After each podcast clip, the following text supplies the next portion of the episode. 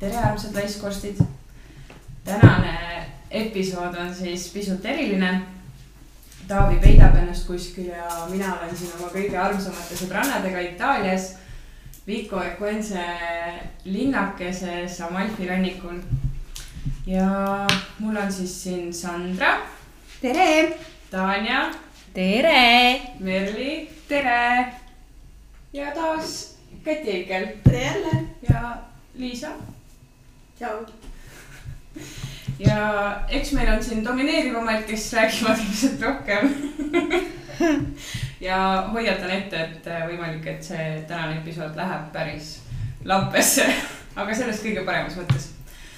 ja ma arvan, et äh, me alustame äkki oma emotsioonide ja mõtete ja mis me oleme näinud siin Itaalias ja hiljem räägime ka natuke oma eelmisest oma esimesest äh, tüdrukute pundireisist Küprosele. nii et äh, alustame siis äh,, alustame tegelikult sellest, kus me siis üksteist teame, äkki Sandra tahab ise natuke rääkida, kust meie teame, sest me oleme sest me oleme nagu siis kõige kauem olnud sõbrannad ja kogu see seltskond siin või noh, jah. me oleme need emaisa sõbrannad. mina olen Minnast paar aastat vanem ja meie sõprus sai alguse sellest, et meie vanemad tundsid üksteist mõnda aega enne minu sündi isegi. ja kui Minna oli oma ema kõhus, siis mina väidetavalt olen juba uurinud, et millal Minna juba sünnib. hiljem, millal Minna juba mängima tuleb. ja sealt see kõik edasi läks. kooli ajal me olime ninapidi koos kogu aeg. väike vahe oli meil, ma arvan, et kui mina kahekümnendate alguses, nii. kas meil on külalisi? meil helises kell, nii et ma korraks panen pausile. nii. Sai korda. ja ukse taga oli meesterahvas, kes äh, Taavi oli nii uhke endale, et ta parkis auto nii hästi, see jäi kellelegi ette, aga meile kell kümme läbi natuke lasti ukse kella, meeldiv meesterahvas ütles, et auto vaja ümber parkida. sinna ei saa parkida. eestlaste Volvo on vaja ära parkida siit, kohe teate, kes me oleme, liiga suur. eestlased, õige kõik uks., kõik juba teavad, kuhu ukse taha tulla. huvitav, et nad teavad, kus on eestlased. ei no nad teavad, et turistid on siin korteris üks äh, korter on, kus on kari turiste. kogu ja need on lärmakamad kui kas itaallased te. olete näinud siin linnas ühtegi üldse teist turisti? see meenutab mulle natuke, kui mina käisin emaga Pariisis, kus me olime et me olime getos, nagu Vico Equense on ikka palju etem kui see, kus ma olin emaga, aga ja, aga turiste me siiski siin linnas ei ole näinud või? ei, mina see ei ole kohalikud, kes meid armastavad. jaa, aga olgem ausad, kõik see, mis mina olen kuulnud Itaalia kohta ja selle kohta, kuidas koheldakse turiste. mina ei ole seda tundnud. no Et poes see oli ka- minu, social anxiety võib-olla, mida ma siin aga- alguses esimese. aga mul oli sama, kui ma käisin emaga Pariisis, siis kõik olid rääkinud Pariisist nii palju negatiivset justkui inimeste kohta ja meil olid ainult positiivsed kogemused. ma arvan, et äh, kõige parem ongi see, et sa lähed nii-öelda eeldusega, et midagi läheb väga halvasti ja kohale tulles sul on ainult positiivsed emotsioonid. Nii et õige. ja nagu näha, siis me läksime juba rajalt. absoluutselt vabandust. ja seda ilmselt juhtub siin iga paari minuti tagant. eriti kui lastakse ukse kella kell kümme. kas me üldse jõudsime lõpuni Sandraga või? ei. aga kus me pooleli jäime? ühesõnaga, et meie vanemad tundsid juba. ja, ja me olime ninapidi lapsena koos, kahekümnendate alguses meil olid mõned aastad, kus me ei suhelnud.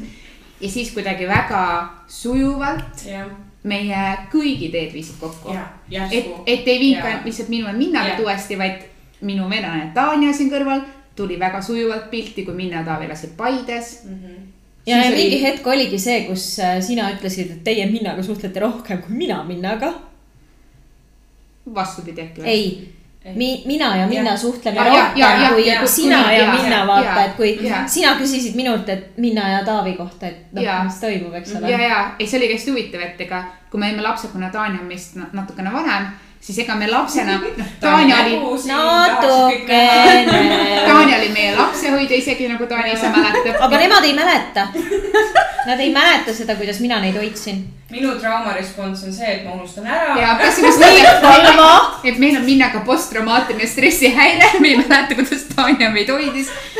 ma olin väga normaalne ma lapsehoidja. usun sind, kui sa nii väidad. peedisalatit sõime, mina mäletan. Minna ema oli teinud ülihea peedisalati. aga igatahes jah, siis Tanjaga tõesti meie sõbrannunemine, väga hea sõna, mulle meeldib. sõbrannastumine, sõbrannastumine toimus siis äh, paar aastat tagasi. kui me mõlemad Paides. tegelikult, või noh, mina olen sind teadnud terve elu.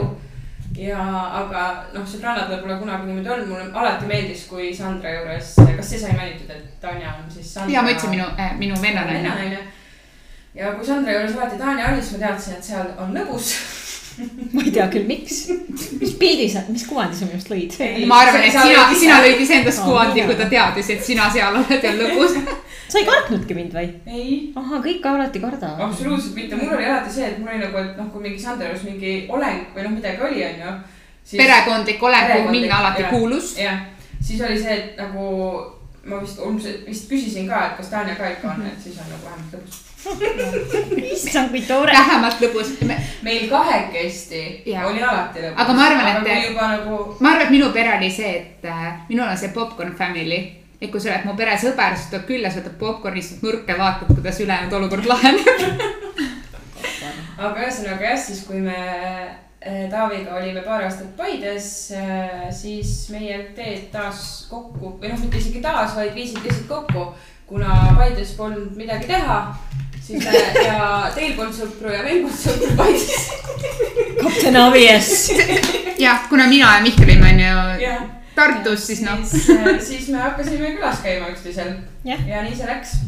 aa, ei, ei, mina tahaks ikka selle ära mainida, et äh, mina äh,, mina helistasin ühel hetkel Jah. Sandrale ja ütlesin, et nii, minu laps vajab äh, matemaatikaõpetajat ja ma teadsin, et Minna on õpetaja ja ei, tasa, tasa, ei. Ja ei, ei, ei ärme see, seda selleks nimeta. ei siiski, siiski. Ja sest mina ei olnud võimeline, minul kulus selleks väga palju veini, et oma lapsele matemaatikat õpetada. Ja Minnal ei kulunud selleks üldse veini.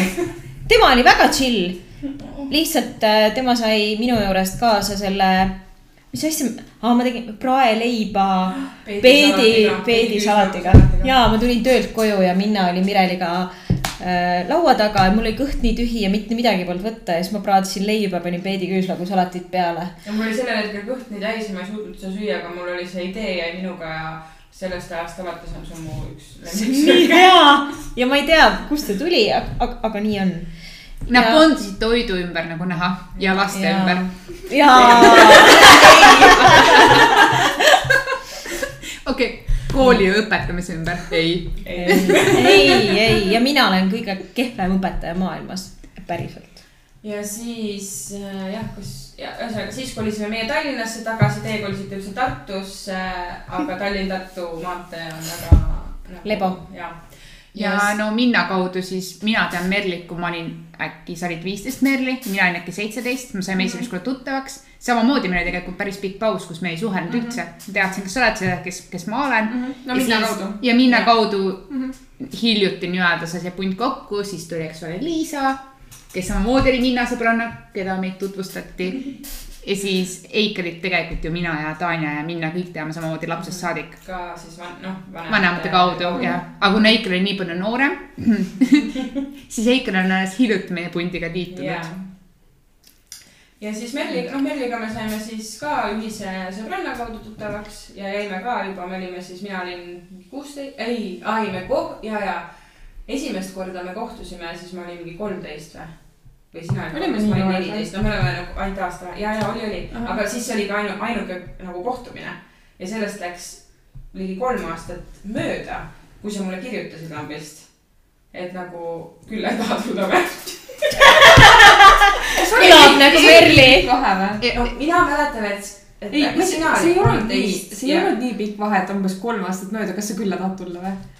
see, see ma arvan, et see oli, see oli ikkagi väiksem. ja, aga, aga lihtsalt see lause, et eh, kas sa külla tahad tulla. see on nii Merli see on nii merlik, et merlik., et ta on straightforward person, et kui ta nagu, kui ta mõtleb su peale, siis ta ütleb selle välja, noh. Mm. see, see, on täpselt Merli minu meelest. aga mina mõtlen, et millal mina Merlit, kas sina mäletad meie esimest kohtumist või? see oli Rooste ajal kindlalt. ah, no mina olen Merlit just äh, Jaa. kõige kauem nagu teist minust ka või? Ei. kauem. minna. gümnaasiumis, ma ei tea nagu millal. aa, ei, mina tean ju. et sina tead Merlit kauem, jah. ja, ja, ja okei, okei.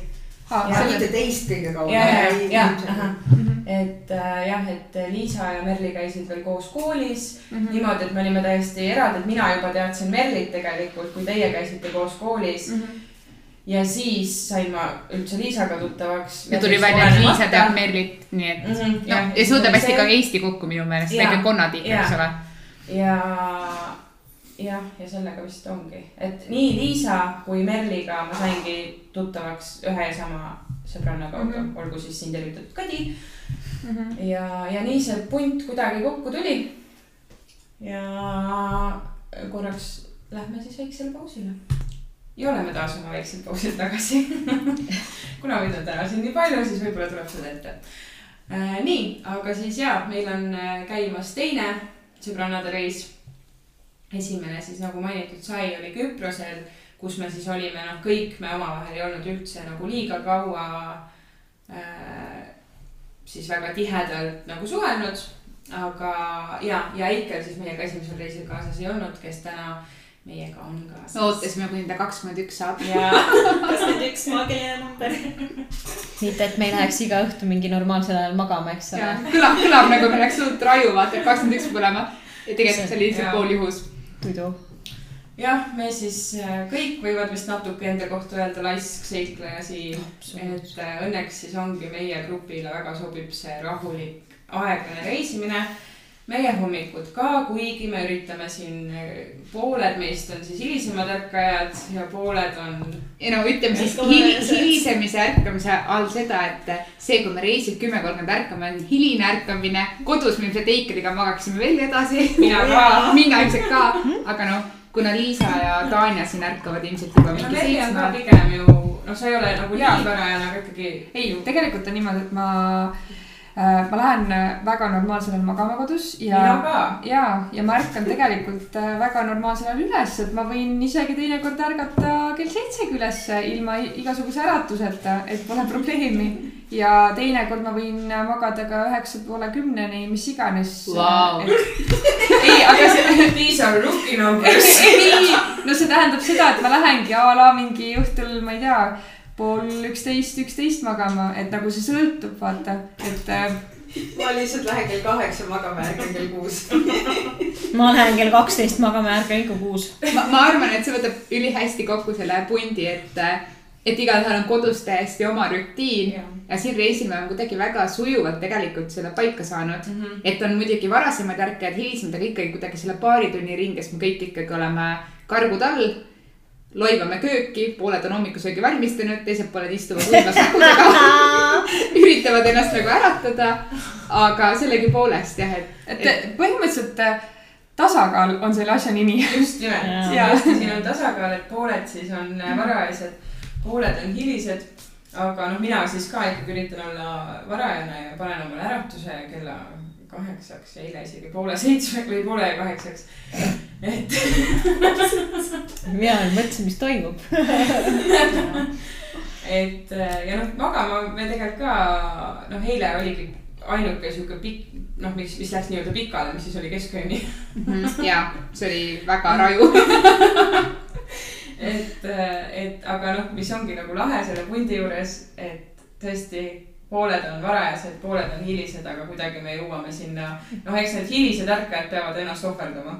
jah, aga, aga, aga kuna me läh-, vaata, ma võin ka seda öelda, kuigi me oleme laisad seiklejad siin kõik mm, -hmm. sellegipoolest meie päevad on piisavalt täidetud, et õhtuks on ikkagi ka kõige need öökullilikumad, mina ja Eikel siis, eks ole, ka väsinud, nii et isegi kaheteistkümnest ikkagi on üldiselt äh, uneaeg, mis eeldab seda, et me jaksame hommikul ärgata. no meie Liisaga praegu lihtsalt oleme niimoodi, plöntud, teeme ära kas me saaks magama minna. no jah. aga me ei, olen ka valmis juba magama minema. aga ei, me teeme selle ära. nii ja, et aga tõesti, me võtame väga rahulikult, kuna me liigume ikkagi, no vahepeal meid siin nüüd täna Taavi sõidutas natuke, aga, aga muidu liigume ühistranspordiga. ja, aga siiski meil ei ole õnnestunud vist enne nagu kahteteist välja saada kodust või? isegi kui me siin saame nagu varakult või noh, varem ülesse, kui võib-olla mõ- mõningad meist siis harjunud on. siis ikkagi läheb siin hommikusöögi ja siis muidugi kuuel naisel on vaja ennast sättida. duši all käia. meil on üks, meil on reaalselt üks vannituba ja WC, eks ole, arvestame sellega. muidugi Liisa on alati käinud, mina ärkan teisena, Liisa ärkab esimesena ja mina ärkan tavaliselt teisena. Ja siis ma alati kuulatan, kas keegi on vetsus. jaa, tundub, et on. okei okay,, ma olen veel voodis, siis ma ootan, millal Liisa tuleb vetsust välja ja siis mul on nagu, siis ma näen ukse pealt. järgmine läheb, mul nagu mul läheb häda üle selle aja peale, palun. me, meil on karmid pesemisgraafikud, tegelikult nali ei ole. ei, ei, ei ole, aga see ongi see, vaata, et kõik- kõik saavad hakkama, aga õnneks on Liisa see, kes ärkab kõige varem tal on küll mugavam. ja tema, tema käib rahulikult, teeb oma toimetused ära ja siis ta ootab meid kaks tundi köögis. True story. ja see on true ja siis me kõik ärkame, siis kõik tahavad käia vetsus, siis kõik tahavad käia duši all, siis ja siis tahavad kõik meikida. sest et me ei saa Itaalias minna välja ju niimoodi, et me paneme lihtsalt päikseprillid ette, me peame ikkagi hoidma Eesti naiste lippu kõrgel.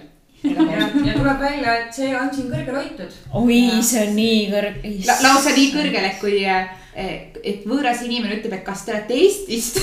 ja kui me küsime, miks sa seda arvad, siis ta ütleb, sest Eestis on ilusad naised. ja teid on nii palju, teid on kuus naist ja kõik on väga ilusad Eesti. naistele, kes on enne meid. Itaalias käinud, aitäh teile. ja, ja ühtlasi me ka siin tunneme ennast äh, nagu äh, basic utena natuke, et noh, kuus neidu. Valget Itaalias neidu, Amalfi rannikul ja, käivad äh, Insta-worthy kohtades pildi tegemas. aga isegi mina, kes mina tavaliselt pilte ei tee ja mina ei tee postitusi, siis ma lihtsalt ei suuda siin teha, teha ja, ja ma, ma, ma ei saa, et ma ei tee pilti või ma ei postita mitte midagi, sest see. nagu midagi jälle. jaa, lilled. Lilled. On lilled. aga huvitav on see, et kuigi me oleme nii-öelda need basic white girls või kuidas iganes öeldakse, siis peab nentima, et äh, kui me oleme kuskil avalikus kohas, me oleme isegi natuke temperamentsemad kui itaallased. me oleme kõige lärmakamad. ja nad on väsinud suvehooajal, siis tuleme meie ja me oleme lihtsalt Nad on nagu italianod, turistidest lihtsalt. meiesugustest äkki. lärmakatest turistidest jah, eile restoranis me tõesti saime pisut äh, mürgiseid pilke. aga võib-olla me kujutasime seda ette endale. ei kujutanud. aga me tunneme ennast hästi, vaata. See tõesti on see kultuuri asi, et kuna me teame, et kõik on siin temperamentsed, siis me saame justkui ennast kõik väga vabalt tunda. Ma arvan, et Küprosel oli samamoodi tegelikult, et kui sa lähed lõunamaale, siis sa lased valla selle ja, temperamentsuse endasse, ei häbene naerda ja võib-olla Jaa, natuke jaa. kõvemat häält teha. Ja, ja noh, üldse siin nagu kultuuris võib-olla ei häbene seda, et nagu Eestis, noh, ega me muidugi Eestis ilmselt paremad ei ole, ei ole, ei ole. aga üks asi, mida ilmselt noh, mikrofoni ei saa võtta, on need meie need žestid, kui me omavahel räägime siin laua ääres. me oleme juba esimesel päeval ikka oma Itaalia need sõrmed kokku ja vibutamise väga omaks võtnud. jah, nii on tõesti läinud, aga jaa, see noh, mina, kes on juba aru saanud siin kuulates, noh, ei armasta neid turistipaiku. aga selleks ongi madal hooaeg ja ilmselt kõik on äh, näinud suvi läbi, kuidas kõik eestlased käivad, ei mitte ainult eestlased, siis kogu noh, kõik Insta mingid äh, travel influencer'id, keda mina olen jälginud, kõik käisid siin Amalfi rannikul. nagu ainult seda ma nägingi terve suvi. aga praegu, mina tulekski siia ainult praegu Mm. ja eile meil oligi nagu lahe vestlus ühe kohaliku italianoga siis, kes meid lasi oma ehitusplatsile, milleks, mis siis oli kinnine, noh, hotell, mis oli siis äh, hooajaks äh, kinni pandud välja, väljas. ehitusjärgus tegelikult. ei, see oli, ei, nad hakkasid seda nagu renoveerima ah, renoveerima jah, et siis. see ikkagi oli nagu lahti olnud hooajal.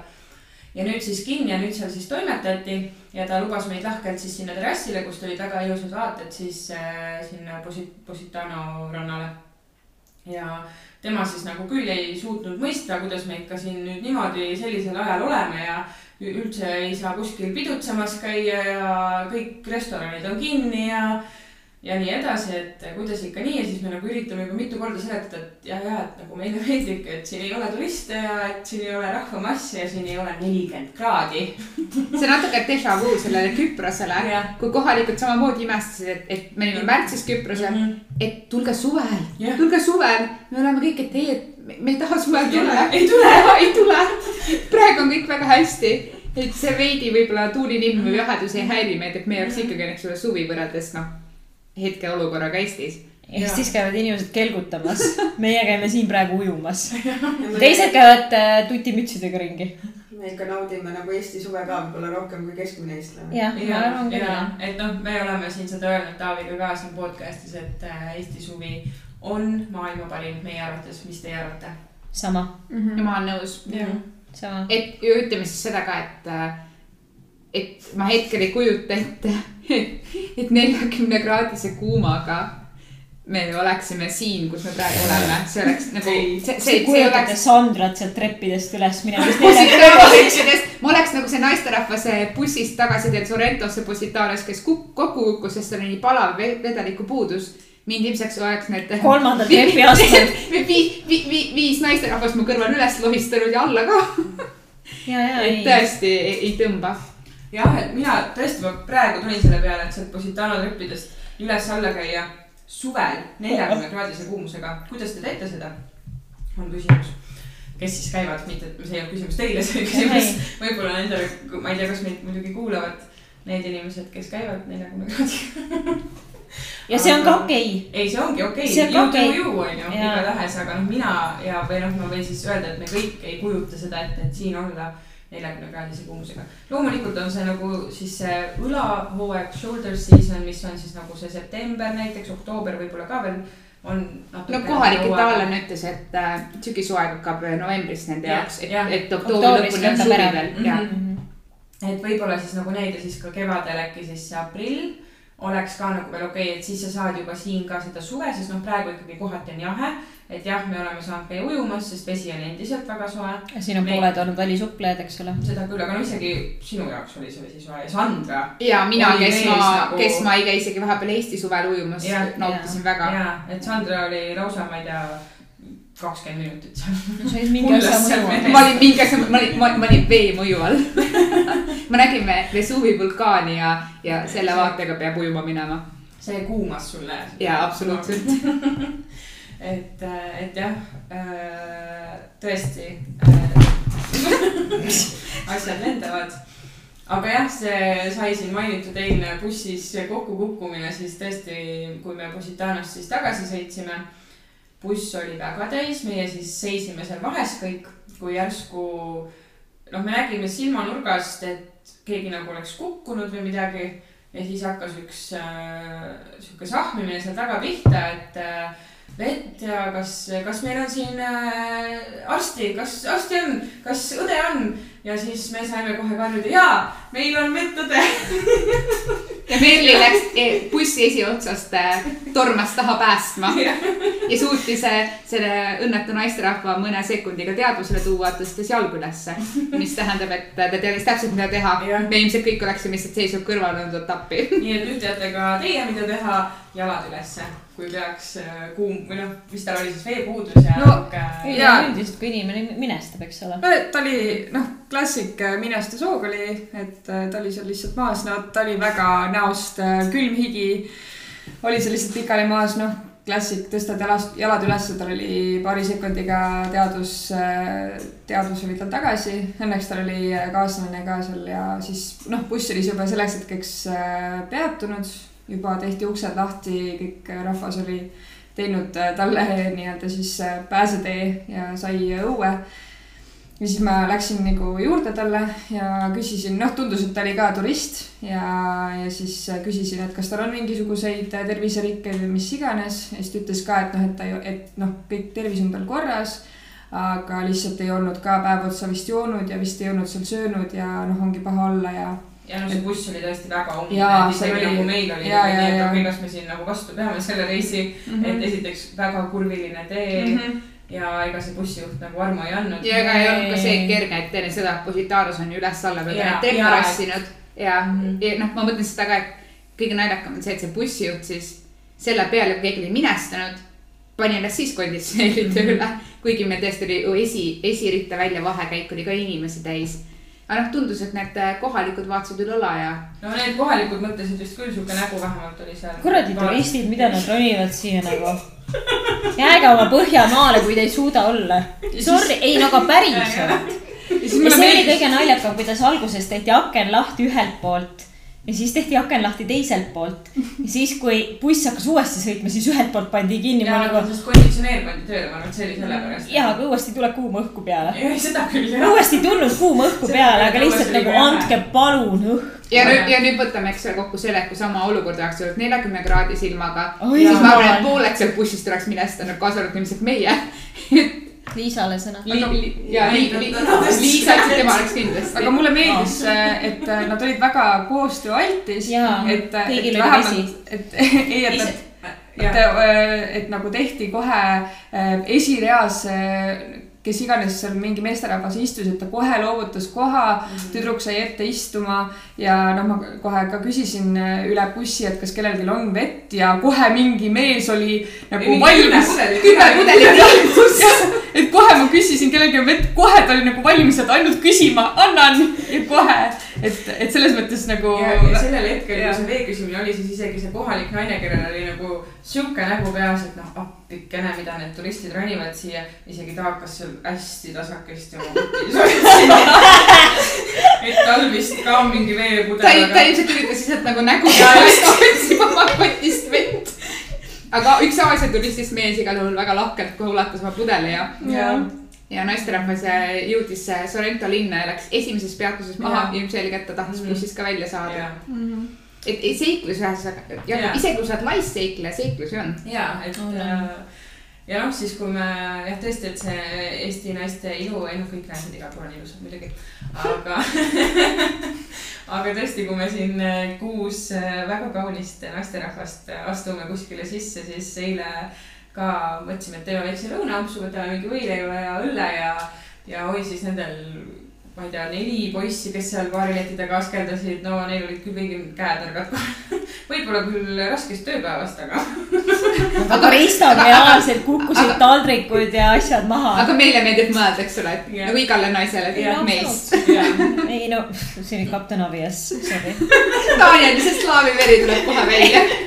Kapten enesekindlus on voorus. ja kui sa näed nagu, et nad vaatavad äh, meie poole ja sosistavad midagi, löövad üksteisele vastu õlga. ja siis kukuvad taldrikud ja tassid maha samal ajal nagu. Ja mitte ühe korra. Tanja käis seal kaks korda selle ja ma käisin mitu korda selle veini küsimas ja. siis saadeti spetsiaalselt mingi poiss sinna letti. ja just ja siis üks poiss saadeti, no et mine sina ja siis teised kaks patsutasid üksteisele õlale ja siis nad sitasid omavahel, mul nagu ei, kahju, et ma nagu sellest keelest aru ei saa, aga okei okay. ja meil oli küll see vestlus omavahel seal baarileti ääres, et äh, kui kihvt oleks minna kuskile riiki, kus oskate kohalikku keelt, aga sa teed nägu, et sa ei oska. ja siis sa kuulad kõiki neid vestlusi pealt ja mõtled, kuule, see oleks nii kihvt, siis Jah. vastab puhtas itaalia keeles Jaa, näiteks jaa. mingi lause peale. me jõuame sinna veel kunagi. ja ja kindlasti õpime kõik, kõik peavad siis erineva keele ära õppima. ja siis me saame omavahel rääkida. kas te teate, mis ta ütles? et siis meil on nagu kuus riiki, kus siis äh, käia niimoodi. aga jah, me oleme ikkagi võtnud äh, pigem rahulikumalt, ma arvan, kuna jah, me tõesti liiga vara kodust välja pole veel saanud siiamaani.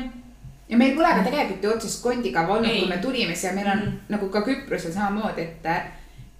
et see mõnus suhtumine, et tuleme kohale ja vaatame, kuidas läheb, kuidas ilmad on, kuidas keegi jaksab, kohapeal mõtleme, mis me teeme, noh. Rääkides laisast seiklejast, mina olen väga mugav seikleja, mina umbes äh, neli päeva enne lendu sain üldse teada, mis kell lend väljub. mis päeval. ja mis päeval lend väljub, mis kell lend väljub ja siis kohale jõudes äh, ma vestlesin ühe Itaalia noormehega lennukis ja siis, kui ta küsis, et kus me peatume, sain- no ma sain täiesti ausalt vastata, et tead, ma ei tea. Mu sõbrannad korraldasid, mul pole siiamaani aimugi, kuhu ma lähen. mul on sama, mul on nagu mitmed kliendid, kellele ma olen rääkinud ja et äh, noh, tegelikult teine inimene mu kõrval on rääkinud, aa ja, ja et ta läheb mul siin Itaaliasse mingi paari nädala pärast. aa, et kuhu?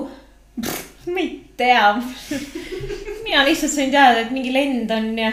jah, et tegelikult meil selle, selle, mis on noh, meie oleme siis see grupp tüdrukuid, kelle reis läheb siis grupi chat'ist kaugemale. et meil on loomulikult siis ühine grupi chat ja seal siis see reisi või noh, tegelikult see esimene reis sai ikkagi kokku pandud äh, nii-öelda päriselt rääkides ja noh, see oli ka lahe, me jõuame sinna ka. aga seekord oli siis nii, et me Liisaga otsustasime, et kuule, et sinna Naapolisse on nagu nii odavad piletid, et äh, ja ütleme teistele, et ärme igaks juhuks ära osta, et äkki kellelgi on need kuupäevad, noh, on midagi, et, et pärast on nagu mingi jama. Aga ütleme neile, et piletid on ostetud, siis neil ei ole taganemisteed. ja, ja ma mäletan see vestlus, me olime suvel kõik seal rannas ja siis oli see vestlus, kus järsku tuli juttu, et kuulge, et äh, me läheme novembri lõpus äh, Napolisse, me Itaaliasse. kirjutasime teile sinna grupi chati. mina, mina mäletan juba Ei, seda ei, ei. koha peal ja siis oli see, et aa, kõik, kõik on korraks nagu paus. aa, okei okay. Ja minu meelest ega kellegi poolt mingit vastu. ei, aga mina nüüd mäletan seda natuke ikka teisiti. no mina võib-olla mäletan seda Roosta vestlust seal, et kus me, kus oli juba see arutelu, et me lähme nagu, nagu mina ikka, ma saan kõigest liiga hilja teada. ma võib-olla ei loe nii süvenenud vestlusi, võtan süü omaks. et aga jah, et kuidagi oli nagu see, et, et see olukord, et me lähme, siis ega keegi ei vaielnud vastu, kõik olid nagu, aa okei okay., sest see tegelikult oli veel nii, et kui Liisa siis kirjutas chati, et piletid on ostetud see kuupäev, minek, siis me nagu ootasime, et nii, kas nüüd nagu tuleb mingit reaktsiooni reaalselt keegi ei öelnud midagi. Ei. Tanja vist ütles, et jah, okei okay, siis. ja sellepärast, et mina sain selle sõnumi kätte, me tegime parasjagu remonti Jorksiga mm. ja ma läksin üles korrusele. Jorks oli poistetoas ja ma ütlesin, kuuled vä, kuule, ma sain just sõnumi, et äh, vaata novembri sellistel kuupäevadel, et äh, ma lähen Itaaliasse, sobib vä? ja siis Jorksi ainuke vastus oli ja, ja sobib jah. oota, aga millal mina siis Staffiga lähen? miks te nagu kogu aeg lähete ja korraldate, ma ütlesin, et oma probleem, korraldage ise endale. meie ei hakka teile korraldama. mina ei ole midagi öelnud, minge kui tahate. meie, mina ja mina ei hakka neile ja, korraldama. ja, ja ma võin seda vahele Nagu- öelda, ma käisin oktoobri alguses ehk poolteist kuud tagasi emaga Pariisis, kus ma pidin kogu reisi korraldama algusest lõpuni ise. nii et mul on tä täielik nauding see, et keegi teine ostab piletit, broneerib Airbnb, valib asukoha. isegi seda ma ei pea valima mm, -hmm. ma lihtsalt õndselt neli päeva varem küsin, et mis päeval me lendame ja kuhu. sama, või et keegi küsib, et kuhu, kus sa siis pead. ma ei tea. ma nii palju guugeldasin, aga ma ei viitsi seda praegu sealt eest ma guugeldasin, kus see Napoli lennujaam asub. ma guugeldasin, et äh, mingil hetkel pandi gruppi, et noh, et mingid sellised kohad ja siis ma panin need Google'i otsingusse uh,. The best, the best views minu Malti või? äh,. ei, the best view uh,, views in uh, South Italy. mulle, mul oli nagu, noh, piisab, kõik väga hästi, jah, jah, rohkem ma ei tea. ja siis, kui keegi küsib, et kuhu sa lähed uh, The. best views in South Italy. ma ei mäleta, ausalt ei mäleta, mul on täitsa ükskõik, ma tean, et aga kõik on jah, see okei. oligi nagu huvitav, et reaalselt peale Tanja mitte keegi mitte midagi seal chatis selle peale ei öelnud, kui me saatsime need. ja siis meil oli nagu, et okei okay. ja siis me ei julge, noh, me lootsime, et kõik ütlevad, et noh, okei okay,, minek on ju siis. ja siis oli sujuvalt ignoreerisime. ja, ja siis aga Liisaga meil oli see, et aga tegelikult meil ei ole ju piletid ostetud, vaata, et mis me nüüd teeme, on ju. valetasid meile. ja, ja siis, aga siis vaikselt nagu hakkas, et äh, siis Merlil oli nagu, et noh, et siis on nagu kindel minek ja nagu, et noh, sa oled nagu in jah. ei noh, jah, piletid oli ostetud, me me tegelikult ei ostnud ära, me tahtsime ikka nagu kinnitust igaks juhuks. vaata, mis nüüd välja tuleb. mina Ei, mäletan seda mina mina mäletan, ei tea sellest midagi. mina mäletan seda, kui me istusime koos äh, Roostal rannas ja siis oli see, et me nüüd hakkame piletit ostma ja siis oli minu arusaam, et aa, me lähmegi jah. ja samamoodi ega mingit vastumeelt ei olnud. Kas ei olnud mitte see, et siis meil olid piletid olemas või? Mina mäletan, see oli- neid äh, aa, ei no mina selles mõttes minul oli ikkagi see, seda kinnitust vaja, et ma pidin, mina panin ju puhkuse selle järgi. ja, ja, ei, ma saangi aru, aga siis oligi, vaata, sa ei vastanud ka ja, ja. midagi. ja siis meil oli nagu, et kas nüüd kõigil on see ikka okei, vaata keegi pole nagu seda rohelist. ilmselt, ilmselt minul oli mingi see seedimisaeg, vaata.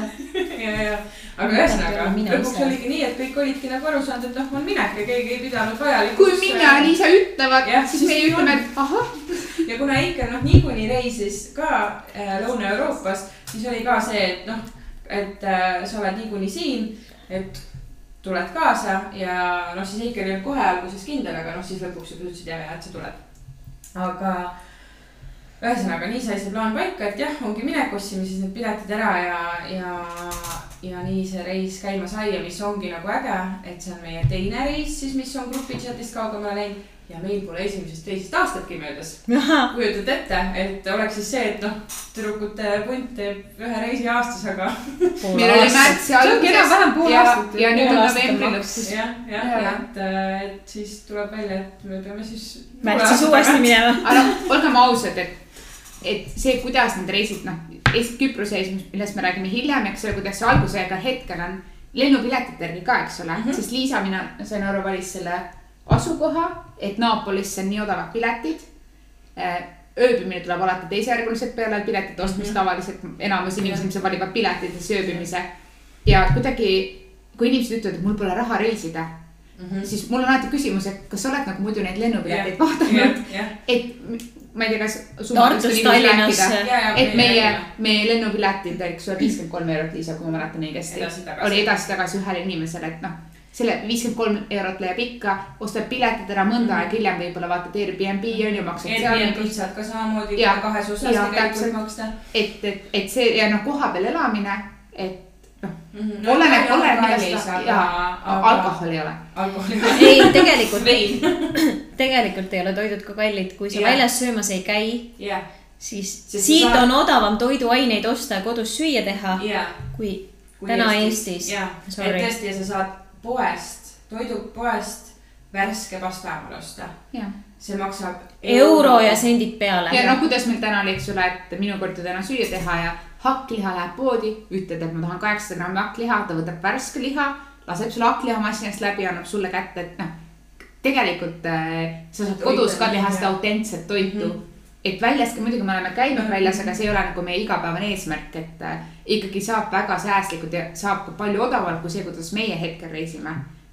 sest tegelikult me ei ole väga me ei nagu hoia nagu ka tagasi midagi. ja, aga noh, samas, eks ole, me oleme väljaspool turistihooaega ja see on ka see, et Mhm. kõik need kohad on mõnevõrra odavamad ja nii edasi. Mhm. me pole ka väga käinud kuskil, noh, oli arutelu, et lähme Pompeisse sinna nagu muuseumisse mm. -hmm. hetkel see jäi ära Mhm. olude tõttu, et aga, aga kuidagi nagu ei ole millestki puudu. et me ei Jaa. ole neid turistiatraktsioone nagu külastanud mm, -hmm. Aga sellegipoolest minu meelest on nagu. sest alati on midagi teha, kas noh, need Itaalia linnakesed on jalutamislinnakesed ja minu arust nagu sellest juba mõnes mõttes piisab. sa saad, näed jalutades nagu nii palju seda ilu ja kõike. Sul otseselt ei vaja, loomulikult kindlasti need atraktsioonid on ja noh, täna me tahtsime ikkagi sinna Vesuvi otsa minna. saime teada, et see rahvuspark on see kinni, noh tegelikult kuidagi vist seal, aga, aga mille otsa me lõpuks komistasime siis täna. et nagu, ma tahtsin aevastama just minna ja nüüd sa hakkad rääkima. aga jätka siis, mis me täna leidsime. oi, me leidsime, leidsime kogemata maha jäetud äh, hotelli. Otsides Vesuvile teed, et Jaa. kas me peaksime kuidagi see- matkama jaa. minna, et äkki mõni rada Ja. on. ja me siis parkisime auto ära ja siis järsku oli meie teel täiesti maha jäetud äh, vana kompleks, suur, suursugune äge kompleks, kuhu me siis sisse läksime. noh, nagu. selline Itaalia viljast uksed eeperani. ja, ja Ja uksed, ei kuskilt ühtegi ei- silti ei ei olnud. ühtegi hoiatust ei olnud, et siia ei võiks minna. ja see oli, mina võin öelda, et minu jaoks oli see, noh, ma olen seda juba päris mitmele täna väljendanud ka, et see oli minu jaoks kõige emotsionaalsem päev üldse. ja ma, muidugi tagantjärgi guugeldades natuke tekib creepy tunne. kui me siis mõtlesime, et kus kohas me siis olime, mis koht see oli, me saime teada, et see oli mingi üheksakümnendatel abandoned hotel Eremo, Oli jah? Jah. Mhm. Aga väga. kus väidetavalt tehakse satanistlikke rituaale. aga väga äge ja koht. tarvitatakse narkootikumiga, meie mitte midagi sellist ei näinud, me olime päikselisel päeval Jaa. seal, vaatasime imeilusat vaadet Napoli linnale, selja taga oli kohe Vesuvi kraater mis. oli nagu nii, noh, nii selge oli. ja, Jaa. ja siis kuigi noh, selle nagu taga olid natuke siuksed tumedad pilved, aga see kraater ise oli nagu need jooned olid nagu nii hästi joonistunud seal, need olid, olid nii selged. ja, ja ma arvan, et see on ka nagu see laisa seikleja tunnus natuke, et, et sa lähed nagu vooluga kaasa. jah, Mhm. ja siis juhuslikult, eks ole, vaatame, kas me jõuame kuskile matkarajale, ei jõua. oi, siin on hoopis üks hotell, Mhm. muudame plaane, lähme vaatame seda, naudime, imelus päikevaade. okei okay,, me ei saa matkarajale, mis seal ikka, sõidame tagasi, lähme käime Naapolis, vaatame päikseloojangut rannas. et ma arvan, et meile kõigile siin seltskonnas sobib see, et me ei ole nagu nii punktuaalselt kinni oma mingites Jaa. kindlates plaanides, et kõik täpselt nii nagu läheb. ja et Ja- see hetkes olemine, eks ole, me Ja. na lihtsalt nautisime. ma arvan, et me olime seal katusel tunnika kindlasti. no Liisa, Liisa pööri, Liisa, Liisa no Liisal on suht paha sellest. ja, et ta, tal oli paha sellest sõidust üles Mäkki kurvisel teel. jah, ja tema pidi meid vaeseke ootama. temale see vanamaja ei meeldinud. arvestades, mida me selle kohta teada saime, ma arvan, et Liisa saab ainult kinnitust, et tal on hea meel, et ta ei tulnud sinna. aga meie ikka veel ei saa kinnitust sellest. meil on minnaga sealt ikkagi nagu midagi kaasa ka võetud. me mõtleme, me veel mõtleme, aga me, minul on ikkagi mõte, et ei, see ei ole ikkagi paha. me väga loodame, et sellel Jaa. pole mingit paha energiat. ei, no ei saa olla. ei saa Sest olla, sest nii hea oli olla seal. Sest et mis oli minu jaoks nagu väga lahe fakt, kui me siis uurisime selle hotelli kohta, et ta on siis üle elanud kakssada vulkaanipurset seal. et äh, mis tähendab, et ta on väga vastupidav. aga mis mina ütlesin, mäletad, kui me seal katusel olime, siis ma ütlesin, kui see vulkaan hakkab praegu purskama, siis me läheme siia katusele, vaata kus tahv oli. ja me olime, oleme väga-väga turvalises kohas jah. ja see ei saa meid puudutada nagu. Liisa vaatab praegu siukse näoga, tema oli all autos. aga sa oleks jõudnud sinna ülesse. ei, ta oleks üksi ära sõitnud. alla mäge. ta oleks allamäge purama pannud Volvoga. Eike, siis ma üldse ei tea, mis tema seal samal ajal jaa, tegime. me- ma ei tea. jooksesin üksi ringi, nautisin. kas oli, kas sul oli hirmus? ei, oli on ju mul oli väga mõnus. Jaa, ja mina ütlen ka seda. Meerli, kuidas sul oli? Mulle väga meeldis. no. et ei olnud niisugust üldse negatiivset. minule on ka. alati meeldinud need äh, mahajäetud hooned. ja, aga vaata sellega ongi nagu huvitav see, et minul on ikkagi mingisugune nagu sihuke. Kõhedus, mul on ka alati, kui jaa. ma käin konamas nendes. ja, no kerge. kõhedus on, aga mulle on aga alati mul seal meeldinud. ei olnud. mul ka ei olnud. mul ei tekkinud üldse isegi, see oli on- nagu see, et kus siit veel saab, oh lähme sinna alla keldrisse ka onju, või no see ei olnud kelder, aga see ja, nagu tegelikult, mis me leidsime, sealt oli lava, baari mingi pukk, siis oli ilmselt mingi peosaal olnud. Mhm.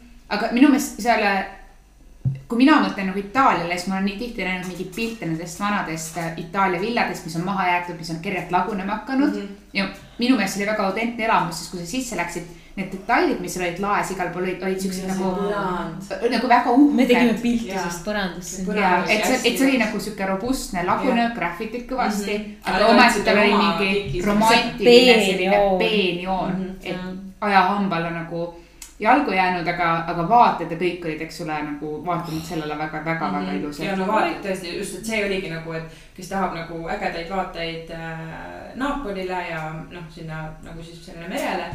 Ja ka kraatrile, eks ole, Vesuvi kraatrile olid seal ka imelised vaated, et see on nagu sihuke. mitte, et me soovitaksime mahajäetud majadest konnata, hotell Oma- Eremo, omal vastutusel.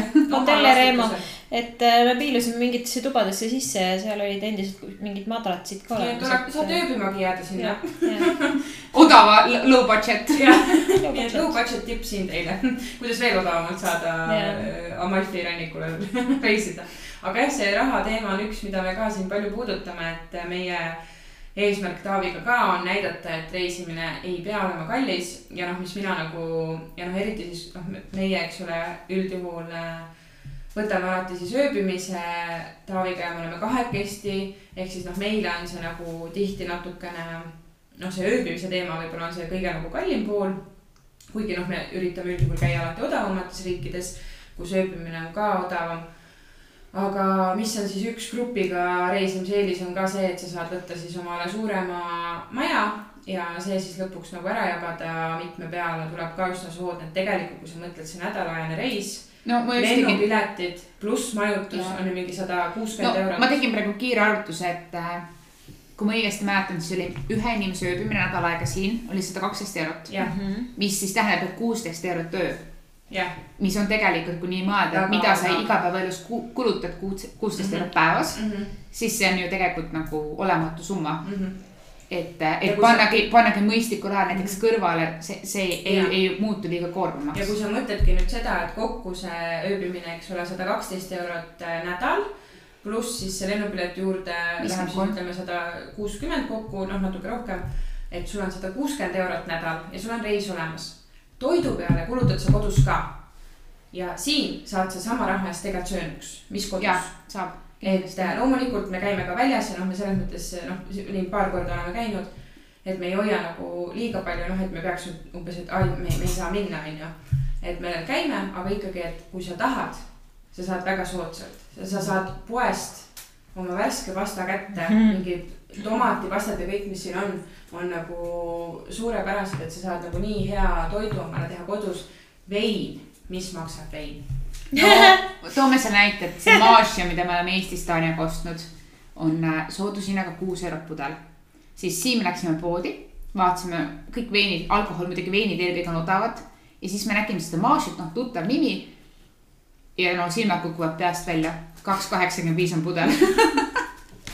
et no tõesti, et endale selles mõttes midagi erilist nagu siin keelama küll ei pea ja tänavatoitu me vaatasime ka mingis kohas, mis on ka väga hinnatud. no täna ostsime, see ei olnud küll mingi kõige parem, see oli lihtsalt, et oleks midagi hamba alla süüa, kui me peame matka minema, lõpuks me, me ei läinud matkama, aga oli ju see pitsatükk, mis oli, ta oli väga saiane, aga ta ikkagi täitis nii-öelda kõhu ära, see oli. aga ilmselt see oli selle, sellele piirkonnale, piirkonnale omane, et see paksu, paksu põrsaga on seda, see. et vaata need tükipitsad, mis nagu lüüakse on jah, paljuski selle, Aga aga, ta oli. tänaval kõndides ma vaatasin mingit nagu siukest tänavaputkat, Mhm. mis minu meelest oli ka pitsatükk oli euro või kaks. et noh, selles mõttes, et kui sa, kui sul ei ole eelarvet, et minna restorani, siis mm -hmm. tänavatoidust sa saad juba ikka selle mm -hmm. Itaalia ja elamuse kindlasti kätte. noh, me, mida me oleme kuulnud, on siin väga head tänavatoitu, me pole lihtsalt veel nagu jõudnud äh,. homme on Napoli Jaa, päev, jaa. siis homme me loodetavasti Jaa. näeme seda oma silmaga. aga jah, et sa saad ka selle väga soodsalt ja, ja noh, tegelikult siin eile meie restorani, kus me jälle otsa koperdasime. Sorrentos mm. siis Mm. olles me koperdasime nagu minu jaoks kõige autentsema Itaalia restorani Jaa. otsa üldse. Mis oli siis niimoodi, et me olime juba nagu alla andmas, et me ei leiagi restorani, sest üks on kallim kui teine. ja noh, ei, ei jäänud siukest nagu, et noh, tahaks nagu nüüd sisse. mõnusat tunnet, et nüüd tahaks. ja siis oli mingi tänav, me hakkasime juba nagu sinna rongijaama poole tagasi liikuma. kui äh, me nägime ühte tänavat. see oli tupik tänav See oli siuke väike, väike tänav. me keerasime ära lihtsalt. ja me keerasime selle põhilise jalakäijate tänava pealt ära, sest see oli nii kutsuv tänav. vaata ühest tänavast me läksime ka mööda, mis oli ka meile nagu Taaniaga, et see oli ju nii kutsuv. ja, ja siis me läksime, järgmisesse me läksime, järgmisesse me läksime ja lõpus oli siis restoran. väljas oli paar lauda ja noh, näha, et sihuke mitte liiga suur koht. ja, ja menüü oli ilusti väljas ja ma vaatasin, et okei okay,, et noh, pasta saab kätte nagu kaheteist euroga. et noh, see on väga okei okay.. ja, aga siis, kuna väljas ei olnud veini hinda ja see oli ka meie jaoks ikkagi oluline teada, siis õnneks Liisa oli nõus minema nagu küsima, mis vein maksab ja saimegi siis teada, et liiter maja veini, mis karaffiniga lauda toodi, on kolmteist eurot. ja siis oli, ja siis noh, oligi see, et kas me nagu kuuekesti sinna mahume, noh öeldi meile viis minutit, ootasime seal väljas ära ja, ja saime oma laua, see oli täis, üsna täis restoran. seal oli palju kohalikke, oli ka turiste ja toit oli imeline, vein veel parem.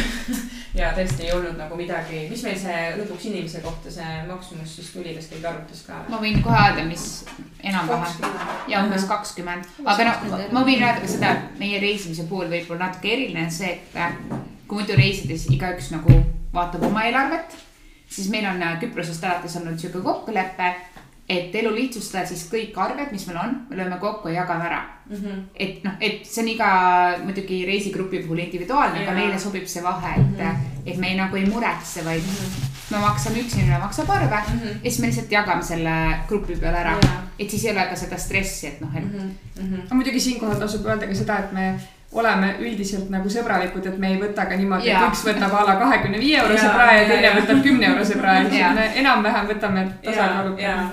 Aga noh, ja vaata siin me oleme nagu võtnud väga individuaalselt omale toidu, aga mis Küprosel, kust see nagu alguse sai, oli ka see, et me tegelikult kõik ju sõime üksteise toite ka. aga noh, siin meil on juhtunud niimoodi näiteks, et esimene restoran, me kõik võtsime selle Ühe pasta toidu., Jaa, sama. pasta kartuliga. pasta kartuliga Jaa, jaa,, mis oli siis samamoodi itaallase poolt soovitatud.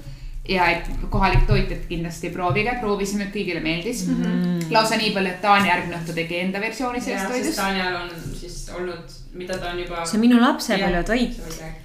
Ja see on minu lapsepõlvetoit, kus äh, ma mäletan siis äh, oma kadunud vanaemast äh, üks asi kui ma tema juures olin, mul ei olnud väga lähedasi suhteid vanaemaga, ma ei käinud väga tihti seal.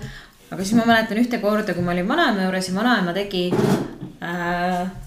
kõik eestlased pööritavad praegu silmi, kes kuulavad, aga makaronid kartulipudruga aga minu jaoks on see, kõlab kahtlaselt ja kõik, kes seda vaatavad, vaatavad sellise näoga, et ju, mis asi see on. ja kui sa seda maitsed kui sa silmad kinni paned. ja, ja see on tavaliselt siis veel üle kallatud äh, äh, mõnusalt pruunistatud võiga, mitte kõrvetatud, aga täpselt sellise mõnusa sulavõiga ja see ära segada. ja kui minu lapsed äh, on kellegi hoida, kes küsib, mis ma teile siis süüa teen, siis minu lapsed tavaliselt ütlevad minu meelest, kas Liisa sinulegi öeldi või? jah, lapsed tellisid Liisa käest ka, et äh, tee meile kartuliputru makaronidega. kõik vaatavad sellisena, eh, aga ma arvan, et millest sa räägid? ja, aga see on, see on äh,, minu ema rääkis, et see oli vaesaja toit. minul on null Eesti juurt. Ja et äh, vaesel ajal söödigi makaroni kartulipudruga väga kõhtutäitev väga. ja, ja, ja, ja, ja väga kuidas, kõhtutäitev, aga see on nii maitsev. ja kuidas see itaallane, kes mulle sellest toidust rääkis, seal serveeris, oli ju samamoodi, et see oli nagu sõjaaja toit, mis praegu on delikatess. maksime Ja- restorans ja- sellest kolmteist eurot. ja samas, Ja kui sellest juttu tegin, ka. ma arvan, et see oli väga huvitav äratundmine sinu jaoks ka. Et Eesti, Eesti Jaa. nagu raske toit, itaallased ütlevad samamoodi, delikatess nüüd on ju. sest minul on natukene nagu alati see, et kui minu lapsed sellest räägivad või kui mina seda teen, ma teen alati kartuliputru ja siis ma arvestan sellega, et järgmisel päeval ma keedan lastele makarone juurde. hea küll, ütleme siis pasta, eks ole, peenemalt. ja, ja sulatan sinna seda võid ja keeran kokku ja see, see on nende lemmiktoit. aga kui sa seda Eestis mainid, noh, oma tuttavatele või sõpradele, mu ämm ilmselt uh,, ma ei taha teada, Ja mis nägu ta selle peale teeb, eks ole. et siis jaa, aga see on hea Jaa., lihtsalt see on hea. nüüd sa saad öelda, et see on äh, italiano delikatess. just, ja mul on selline tunne, et ma lähen Eesti, ma teen praegu oma restorani ja hakkan seal seda pakkuma ainult. see ongi nagu menüüs. ei, me olime nüüd kahes restoranis, Coca Unistus, esimeses kohas, kus me siis tellisime seda kartulit ja pastat, eks ole, siis juba kelner ütles meile, et oo, väga hea Te olete koka lemmikud või šefi lemmikud Ku,. kuus, kuus klienti tellivad sama toitu samast lauast mm. -hmm. järgmises kohas, kus me olime siis, millest me just rääkisime, Sorrentos, siis äh, viis meest tellisid lasanjat jah, ja siis noh, Tanja oli see must lammas, kes võttis oma toidu. aga ma arvan, et Kokal polnud raske ühte toitu erinevat teha. ühed knokid. ja, aga no siin, siin reisil, mis meil nüüd tegemata on, meil, meil on pitsa ja. ja pitsa ongi. Autentne pitsa. täitsa lõpp, et see on tegelikult uskumatu, ma ise olen ka suur pitsasõber ja tegelikult noh, me vist kõik või, võivad öelda ja, me oleme Minna pitsasõbrad eelkõige. jaa. kui saaks peedipitsat siin ka, no see oleks ideaalne. aga, aga jah, et siin me ei olegi veel jõudnud üldse pitsat proovida, et pastad ja knokid ja kõik on nagu nii head. aga. oota, mingi asi mul oli veel, ah, jah, et siis äh, sõime seal restoranis seda kartulipastat ja järgmine päev mina ei olnud siis ka, me keegi ei olnud peale Liisa saanud siis, aa või Sandra, sa olid ka saanud Liisa seda versiooni kartulipastast või? Liisa versiooni. Tanja versiooni. ja olen, ja olen jah korra okei, ühesõnaga, et siis äh, kaks meist olid saanud äh, Tanja versiooni sellest äh, kartulipudru pastast ja siis ühesõnaga Tanja siis tegi meile seda äh, järgmine õhtu ja see oli tõesti uskumatult hea, võin mina öelda jaa, see oli tõesti hea. ja väga toitav. isegi võiks isegi öelda, et nagu isegi parem. oli natuke parem tõesti. ja noh, siin sa kasutasid siis veel värsket pastat, mida sa küll kodus ei ole kasutanud varem. seal ei ole no sa võid, ma ütlesin. kusjuures minu. ema isa tegi, minu ema ise on teinud äh, värsket pastat. mina mäletan, kuidas tema lapša öeldi meil selle kohta kodus mm.. mis keeles see on?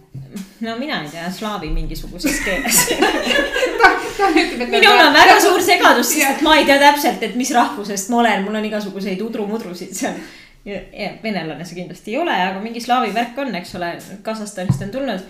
ja meile öeldi, ema ütles, et oma lapšast. Mhm. Ja see, kuidas ta tegi seda tainast, no põhimõtteliselt on see nagu pelmeeni taigen, eks ole.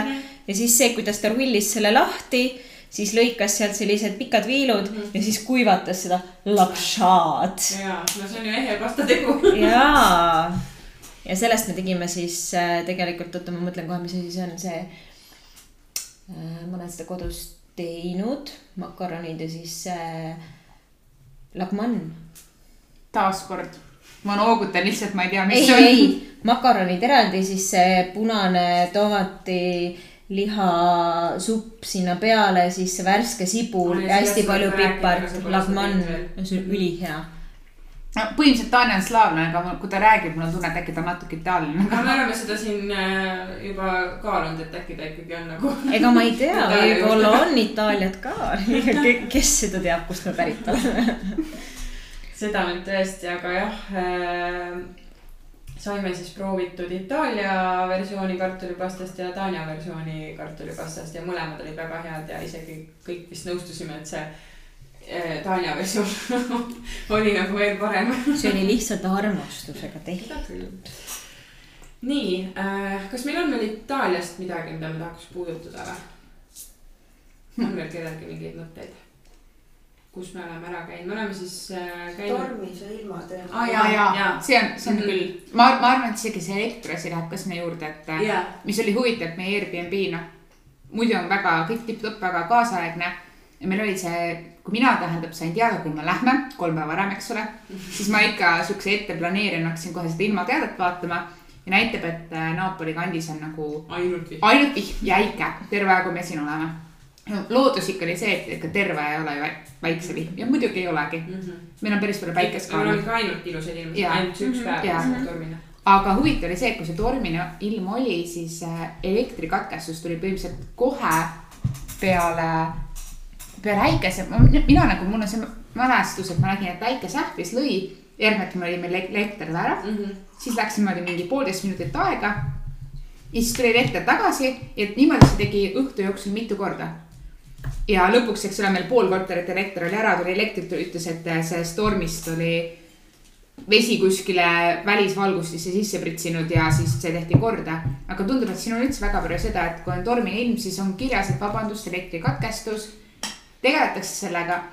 aga kui me siis läksime jalutama peale seda tormi no see torm kestis tegelikult terve päeva. Jaa, terve öö. ja ja, väike paus. Ja siis me läksime jalutama ja, eriti hirmus minu ja meelest. jalutasime sinna oma selle väikse linna siis nii-öelda selle, kuidas promenaad on selle kohta öeldakse või, või kus või mingi vaade nii-öelda sellele rannikule ja, ja kaljudele. ja siis me saime selle nagu tormise ilma emotsiooni ka, kuidas me nägime, kuidas, eks ole, suured lained lõid ja kuidas hakkas siis tulema sealt äh, merekohalt see vihmapilv nüüd iga sekundiga meile ja lähemale siis. ta alguses oligi, et me nägime seda väga kaugelt. Ja noh, see tunduski kaugel, see vihmapilv, aga umbes järgmine hetk, kui sa vaatasid sinna, see oli nagu väga palju lähemal. see on kohe siin, see on kohe siin, me ei pääse mitte kuskile. ime, et meil juuksed peas on. aga no, aga ma võin öelda seda ka, et, et üks asi on olla siin suveperioodil, kui ongi iga päev ilus ilm, aga samas midagi nagu seda äike ja see torm ja siis siin on need rannik ja meri ja siis need mäed, see on nagu täiesti omaette emotsioon, et ma arvan, et ei pea üldse muretsema, sellepärast et on mingi tormine või vihmane ilm. noh, Taavi ööbis siin lähedal, eks ole, temal on omad kogemused selle tormiga, aga ma arvan, et samamoodi see tormi emotsioon on täitsa, täitsa teine. ja no äge oli ka see, et me jalutasime õhtul koju, siis nagu kõik prügikastid olid täis katkis vihmavarje. ei, need vihmavarjud on küll huvitavad. ja see oli huvitav. igal pool on vihmavarjud ja ma ei saanud aru, miks need vihmavarjud on prügikastis. kas, kas nad olid prügikastis? olid äh, vihmavarje täis. ja osad olid isegi tänavatele mingi aukudesse sisse toppinud. võib-olla nad olid nii nõrgad ja lihtsalt tormist nagu katki Ei, läinud ja kasutatud. võib-olla. minul oli selline tunne, et võta vihmavari ja kõnni edasi mul on Eestis ka olnud olukord, kus ma mäletan, et oli väga torm ilm Paides, Paide linnas. Ja me jalutasime äh, sõpradega ja siis ühele see läks nagu sekundiga tagurpidi. aga nagu selles tormis, mis siin oli, ma kujutan ette, et need tuuleilid, mis olid, et ilmselt need see vihmavari läks ribadeks. ja ma arvan, et need olidki ühekordsed vihmavarjud nagu plastikmõõdud. siin on ühekord. jõudsid, jõudsid kodust välja kolm minutit kõndida vihmavarju tagurpidi, viskasid prügikasti, läksid edasi ja. ja, aga need vihmavarjud jah, need, neid ikka oli. ja no poodides on hästi huvitav, et sa astud poodi sisse. No siin, siin ei ole nagu supermarket, et nagu meil Prisma või, või Maxi Market või Selver. et on pigem siuksed väiksemad poed. ja siis poe uksest lähed sisse, on kõigepealt sihuke nagu koht, kuhu kõik saavad jätta oma vihmavarju pärast kaasa võtta. et sihuke, see on ka nagu vihmavarju teema on siin. ja noh, just sellele talvisele perioodile, kui on neid torme. aga jah, tõesti, see tormine ilm oli, minu jaoks oli see ka väga vajalik, sest ma tundsin, et ma tahan seda, kuigi me olime ainult vist ühe päeva nagu olnud aktiivsed, onju. Mhm. aga siis oligi, et ma olin juba ühe päeva pidanud äratusega ärkama. Ja mul oli ka selleks päevaks loomulikult äratus, aga kui see kell kaheksa helises, siis ma ja ma kuulsin, et okei okay,, vihma kallab, me ei lähe niikuinii kuskile, vaata, et me siis magame välja ja siis me magasimegi välja, noh, Liisa pidi siis kannatama ja siin mitu tundi üksi hommikul vahem, aga aga no, võib-olla kulus see ka ära. aga ma sain aru, et noh, mina ja Merli oleme vist kõrvatruppidega magajad, aga teised ilmselt olid öö läbi seda tormi kuulnud ka. Et see noh, see oli nagu-, ma olin ikka mitu korda üleval selle tormi peale. meie ei saa midagi, me lihtsalt magasime õndsalt üheteistkümneni sest mina mina ei. saa kinnise aknaga magada ja noh, mul on nagu aken lahti ka veel ja siis lihtsalt ärkad, kuidas see tuul reaalselt teeb. ta ikka jaa vilises, vilises ka ja. siis mingid asjad kolisesid, siis ma mõtlesin, et millal see, kui kuskilt mingid puud lendavad aknasse. aga nii hea oli, et kui me läks, meil ikkagi, kui me toas olime, me nägime, kuidas ikka normaalselt vertikaalis ikka kallas nagu A-varrest alla, aga terve see aeg, kui me väljas jalutasime, me saime küll vihma, aga. Ei, see oli nii õrn. ta oli Läksime õrn. sinna puude alla ja see läks kuidagi nagu nii täpselt meist mööda, see suurem äh, nagu padukas et. me saime ikkagi nagu oma ilusti oma jah. jalutuskäigu ära tehtud, et see oli nagu. ja noh, ilma puhul vist on see ka, et kui ma vaatasin niimoodi, et lähemalt, mis see sügishooaeg siis tähendab Itaalias, võib-olla ma ei tea, kas Itaalias või siis noh, Amalfi rannikul vähemalt. et ongi hoovihmad, et see ei pea nagu kartma ka nagu väljaspool hooaega reisimise puhul seda, et sul on kogu aeg kallab mm. -hmm. et see ei ole nagu Eesti sügis, et siin on ikkagi see, et jah, on võib-olla see äikesetorm ja mm -hmm. vihmahood, aga et ikkagi see vaheldub päiksega. jaa. et, et ei ole seda hirmu, et ma tulen kohale, siis Mhm. kallab terve aja. et äh, seda no võib näiteks täna oli terve päeva päike ja, ja no ega ongi olnud, Jaa. et on noh, eile oli küll ka päikseline, oli küll tuul, aga ikkagi tegelikult on olnud kõik need päevad, välja arvatud see üks tormine päev on olnud päikselised mm.. et kui sa oled pigem nagu reisija või noh, kui kellegi eesmärk on minna nagu soojale maale, olla terve aja rannas, Mm -hmm. siis ilmselgelt väljaspool hooaega ei ole sinu nagu Jah. õige aeg. jah, aga meie, kes me ei ole nagu nii, niivõrd rannapäevitajad mm. -hmm. pigem ujujad võib-olla mm, -hmm. et si siis see on nagu väga Jah. tipp-topp. absoluutselt, et äh, ja just näha seda tormi, sest see oli nagu midagi teistmoodi, esiteks see Mhm. meie linnake on niivõrd, ma ei kujuta ette, mitu meetrit sealt äh, nagu Merepiirist, see on ikka väga väga kõrge. kõrgel jah. ja, ja siis näha seda tormi sealt tulemas, neid laineid peksmas sinna vastu, noh, osad kohad on siis siuksed ujumissopikesed, aga mõnes kohas ongi noh, see meri on vastu seda kaljut ja kuidas ta siis peksab ja kuidas neid, neid laineid oli ka nagu nii lahe jälgida, nad tulid nagu aegluubis, kui sa sealt kõrgelt vaatasid. et, et see oli ka midagi täiesti teistsugust jälle näha. ja ma arvan, et see on ka kihvt, et sa näed nagu seda rannikut äh, iga ilmaga. on see Jah. väike rahulik Jah. meri, kus me olime, eks ole, selles rannas käisime Mhm. ujumas Mhm. järgmine päev me vaatasime kõrgemalt, kui oli torm. see meie ujumiskohake oli vee all. meil ei olnud randa enam. jah, et, et igatpidi nagu kõike on nähtud ja, ja samas noh, okei okay,, päikest jah ei ole saanud võtta, aga samas see päev, kui me ujumas käisime, olime seal tükk aega Mhm. bikiinides ju kuivasime mm. -hmm. et, et ja Ja- külm ei hakanud. ja noh, kohalikud samal ajal jalutasid meist mööda jopedas. oma jupedes ja tutimütsides. ja tegid talisuuplemist. see on nende talisuplus meile nagu, oi kui soe vesi. meie vesi soojemaks ei lähegi Eestis. see on küll nagu naljakas, et me ikka nii eestlased tuleme soojale maale nagu okei okay,, vihmajoped on peal, aga üldiselt me oleme ikkagi väga nagu noh, soojad riides või noh, nagu niimoodi riides, nagu meil suvel kantakse ja kohalikel on nagu talv. Nemad on saabaste ja mütside ja joppedega. võib-olla nad sellepärast vaatavad meid, mitte hoopis sellepärast, et me oleme ilusad me oleme lihtsalt imelikud. nagu weird. Neil viga on terve kamp mingeid hulle. nii, aga kui nüüd Itaaliast kellelgi midagi rohkem praegu meelde ei tule, siis ma liiguks edasi Küprosele, sõidaks. meil on mõned päevad veel Itaaliat ees, vaata nii et et äh, aga siis lendaks hoopiski Küprosele ja mis on väga lahe teema, mida ma tahaks puudutada, siis Küprose reis tegelikult oli Merli ja Tanja jaoks äh, no põhimõtteliselt esimene, esimene lennureis, Merli oli küll varem noh käinud bussiga. aga, aga noh, põhimõtteliselt võib öelda esimene reis. süütust sai võetud. jah. et äh, mis, rääkige siis natuke neid emotsioone võib-olla siis sellest esimesest lennureisist, nagu siis lennukiga sõitmisest võib-olla. kas mingit ärevust võis olla seal või, või kas oli elevus või ärevus ja kuidas siis see kohale jõudmine, noh, tegelikult see on ka, ma teen väikse sissejuhatuse, et kuidas see Küprose reis üldse sündis et äh, mina siis olin oma perega, oma ema, tädi, õega, vanaemaga minemas siis Küprosele. Ja ma teadsin kohe, et ma ei viitsi nagu nädalaks minna kuskile, et äh, ma ise jään kindlasti nagu kaheks. aga see tegelikult alguses ei olnud üldse teema. meil, kuna meil kukkusid siin meesterahvad ära, et Taavi ei tahtnud tulla ja lõpuks mul isa ka nagu, kes pidi alguses tulema, hüppas alt ära. siis meil oli kohti üle, et me võtsime äh, majutuse võtsime kaheksale ja auto võtsime kahe, noh, bussi siis võtsime kaheksale ja meid oli lõpuks kokku viis.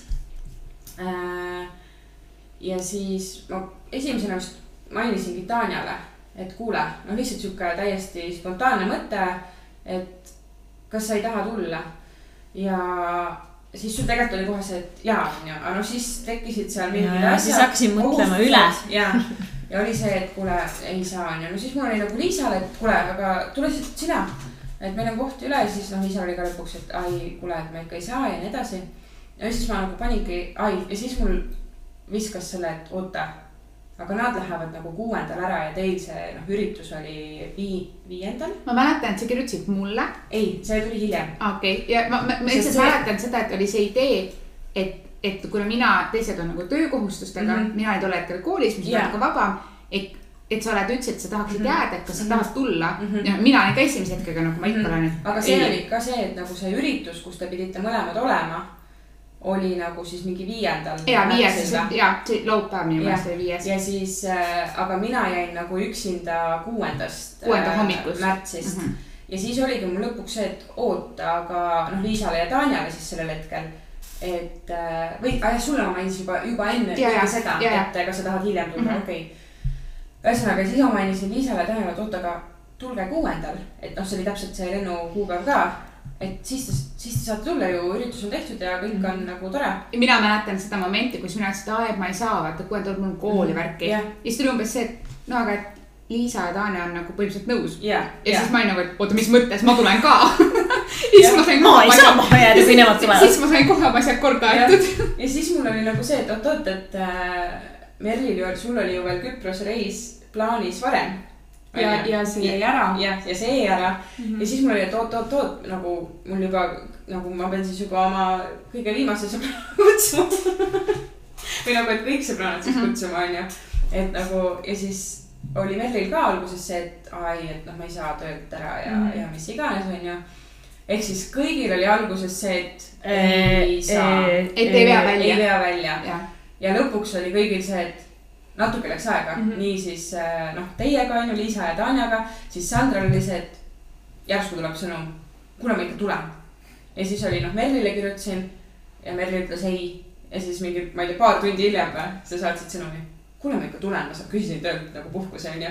et see läks täiesti niimoodi, et äh, alguses oli nagu kindel ei kõigil. ja huvitav on see, et mina ei teadnud tegelikult seda alguses, et, et Liisa ja Tanja või Merli on kutsutud, oli nagu see, et ma mäletan, sa ütlesid mulle, et ma, ma plaanin jääda Küprosele veel nädalaks, mu vanemad lähevad ära.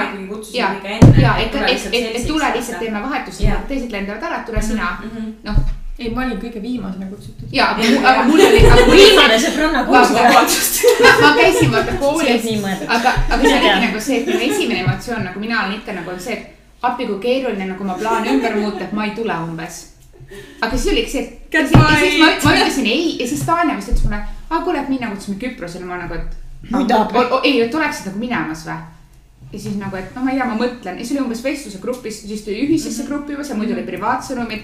et kuule, et Liisa äkki saaks tulla, et kas me kutsume, äkki Merli kutsume mm, Mhm. -hmm. et, et kuule, et me saame pundi kokku, kas yeah, läheks ja, ja siis kuidagi see gru- äh, kamba vaim on nagu see, et oota, et kui kõik teised ütlevad, et jaa, siis nagu jaa mm. mm. -hmm. et äh, Eikel töötas. Mina olen tööl jah. Eikel oli veel, ei ma olin Eikel oli kakskümmend ja ma olin 20. tööl. ja ei, ta ei olnud veel täisealine. et äh, igatahes niimoodi lõpuks see kokku tuli, oligi nii, et siis kuuenda hommikul äh, minu vanemad läksid või noh, jah, minu pere, teine pere ja järgmine pere tuli äh, õhtul siis lennuga sinna ja kuna meil oli ka see villa, mis oli võetud, seda sai äh, ainult nädalaks. ja see tähendas siis seda, et äh, meil oli nagu üks miinimumnädalaks. miinimumnädalaks jah. et äh, meil oli nagu üks öö üle, mis siis oligi see, et kui nüüd tüdrukud jõuavad, siis nad tulevad sinna villasse ja meil on nagu üks öö seal, siis ma mingi hetk pakkusin ka välja, et kuule, et nagu noh, ainult te tulete ju sinna äh,, jõuate öösel. magame hommikul ära juba. ja te jõudsite ju alles mingi kella ühe kahe sellist. et täiesti öösel, et äh, me magame ära ja kell kümme oli juba check out, et, et, et ma võtan nagu selle üheksa üks veel ja ma võin nagu selle vahe kinni maksta, kuigi see villa oli ka ebanormaalselt odav. aga et noh, kuna teil oli nagu mingi kindel eelarve on ju öö nagu öö kohta. et ma võin ise nagu siis selle nagu vahe võtta enda peale ja et, et te maksate oma eelarve järgi, aga siis selle peale kirjutas Liisa et kuule, et, et palju see nagu on, et äkki me saame nagu kahe peale selle ära jagada ja võtame nagu veel noh, mingi lõpuks me olime seal neli, neli. me olime, me me olime seal rohkem kui Jah, neli pluss kolm, villas ja jaa, oi jumal. aga see, me, kui me ütleme nagu sõna villas, võib-olla inimestel nagu ei tule otseselt silme ette, mis me mõtleme. aga see ma võin, oli nagu loss. ma võin rääkida nagu meie saabumisest öösel. Me saime aru, et on villa ja noh, taaskord Küprose reis oli natuke nagu Itaalia, et ega me väga ei teadnud, kus me läheme, mitmed ja mis see oli nagu Pärapõrgu küla ka. ja taksod veel öösel pimedas. ei saanud üldse aru, kus ta ta viis minema meid, ta viis peab. meid kuskile põllu peale, siis me oleme omavahel eesti keeles arutame, et mis toimub nagu, et kas meid vägistatakse kohe ära nagu päriselt, kas mingid Küprose mehed tulevad? Siis ta ja viis nagu reaalselt meid kuskile prügikastide juurde ja siis ta teeb sellise näo, et ta ei tea, kus ta on. Ja seda umbes kolm korda järjest, meil ja siis nagu. lõpuks me saime aru, et see oli põhjusega, sest tõesti see oli eratäitsa villa, noh. ma võin öelda nii palju, et, et see villa oli müügis, ja see minu meelest oli üle miljoni euroga müügis. Äh, me ei näinud seda konkreetset villat, ma lihtsalt nägin Ah, ah, sarnaseid, sarnaseid ja need olid niimoodi, et kuskil kaheksasaja tuhande miljoni vahel olid tavaliselt sama suured villad. et see oli, see oli tõesti nagu niimoodi, et me jõudsime kohale pimedas, tõime värava, siis me nägime seda pimedaste maja. ja me jõuame sisse ja siis esimene optsioon on nagu Oh! appi, mis see on. ja siis minna kogu oma selle vastuvõtulauaga, meil oli oma outfit'is nagu tõeline mõisapreili. mõisapreili. see oli nagu väga vinge emotsioon ja siis, ja siis ega Minna ja Liisa ei öelnud meile kohe, et me siin ööbime veel.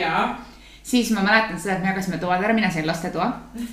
vabatahtlikult. sul oli väga vahva lastetuba, mis, tapeet sul seal oli? Neljakordne või, kolmekordne või? See oli uskumatu. kolmekordne jah. ja, ja sihuke nagu läbiv äh, elutuba oli siis kogu nende kor-, nagu kahe korruse kõrguses.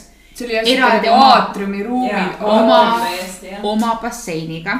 ja see privaatbassein Oma piljardilauaga. otse ja ka vaatega me ei mänginud mägedele. ja siis me olime esimene päev ärge unustage vaadata, aga muidugi noh, te jõudsite öösel. ja, ja see oligi see, mina ja- mäletan seda, noh, teie olite jälle taas varem ärkvel kõik.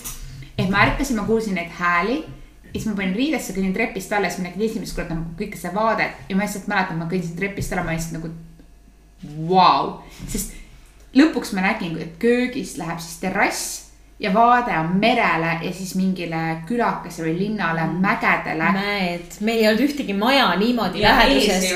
otsevaade merele. Mhm. ja siis ma astusin sinna terrassile, seal all on nagu bassein, vaade, see villa, kus ma arvan, et ma olen elu sees mitte kunagi millestki nagu nii uhkes kohas olnud, see oli lihtsalt sama siin. see emotsioon oli üle mõistuse ja oli hommikusöögi laud, kus me siis ahetasime, ohetasime. hommikul see laud oli veel siis noh, ümmargune laud ja keskel siis oli see omakorda ümmargune selline asi, mis käis ringi. ja ja kas te saate aru või, see oli mu elu esimene reis ja, ja mul latt tõsteti Jah. nii kõrgele lihtsalt. arva ära minu oma ka, aga ei, ma olen siin ka väga rahul, lihtsalt Jaa, ma see olen ka.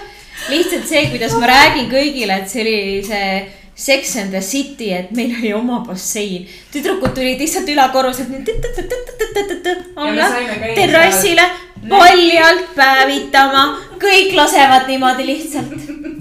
siin kaameraid ei ole, jaa, aga aga te saate aru sellest, kui ma ütlen, et me läheme paljalt oma villa nagu sisehoovi ja seal on ainult mäed ja no mõned kitsed võib-olla. Jah. ja kitsaga Ja- käis ja. mööda. aga seal ei ole mitte kedagi, sa ei pea mitte kedagi kartma ja sul on nagu nii chill olla. ja ma mäletan seda hommikusööki, kus Minna ja Liisa hakkavad omavahel muikega pilke vahetama Mhm.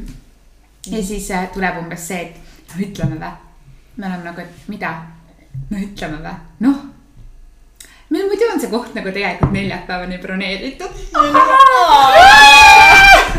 see oli nagu, see oli lihtsalt nagu üle mõistuse. arvasite, et te peate nagu Järgmine hommik. hommik minema jah. et ja taaskord nagu väljaspool hooaega see Jaa, rendi just nimelt. hind, et isegi ja ma mõtlen, et tegelikult meil oli natuke ruumi isegi üle ja, ja et võtta sihuke hoone nagu kamba peale väljaspool hooaega.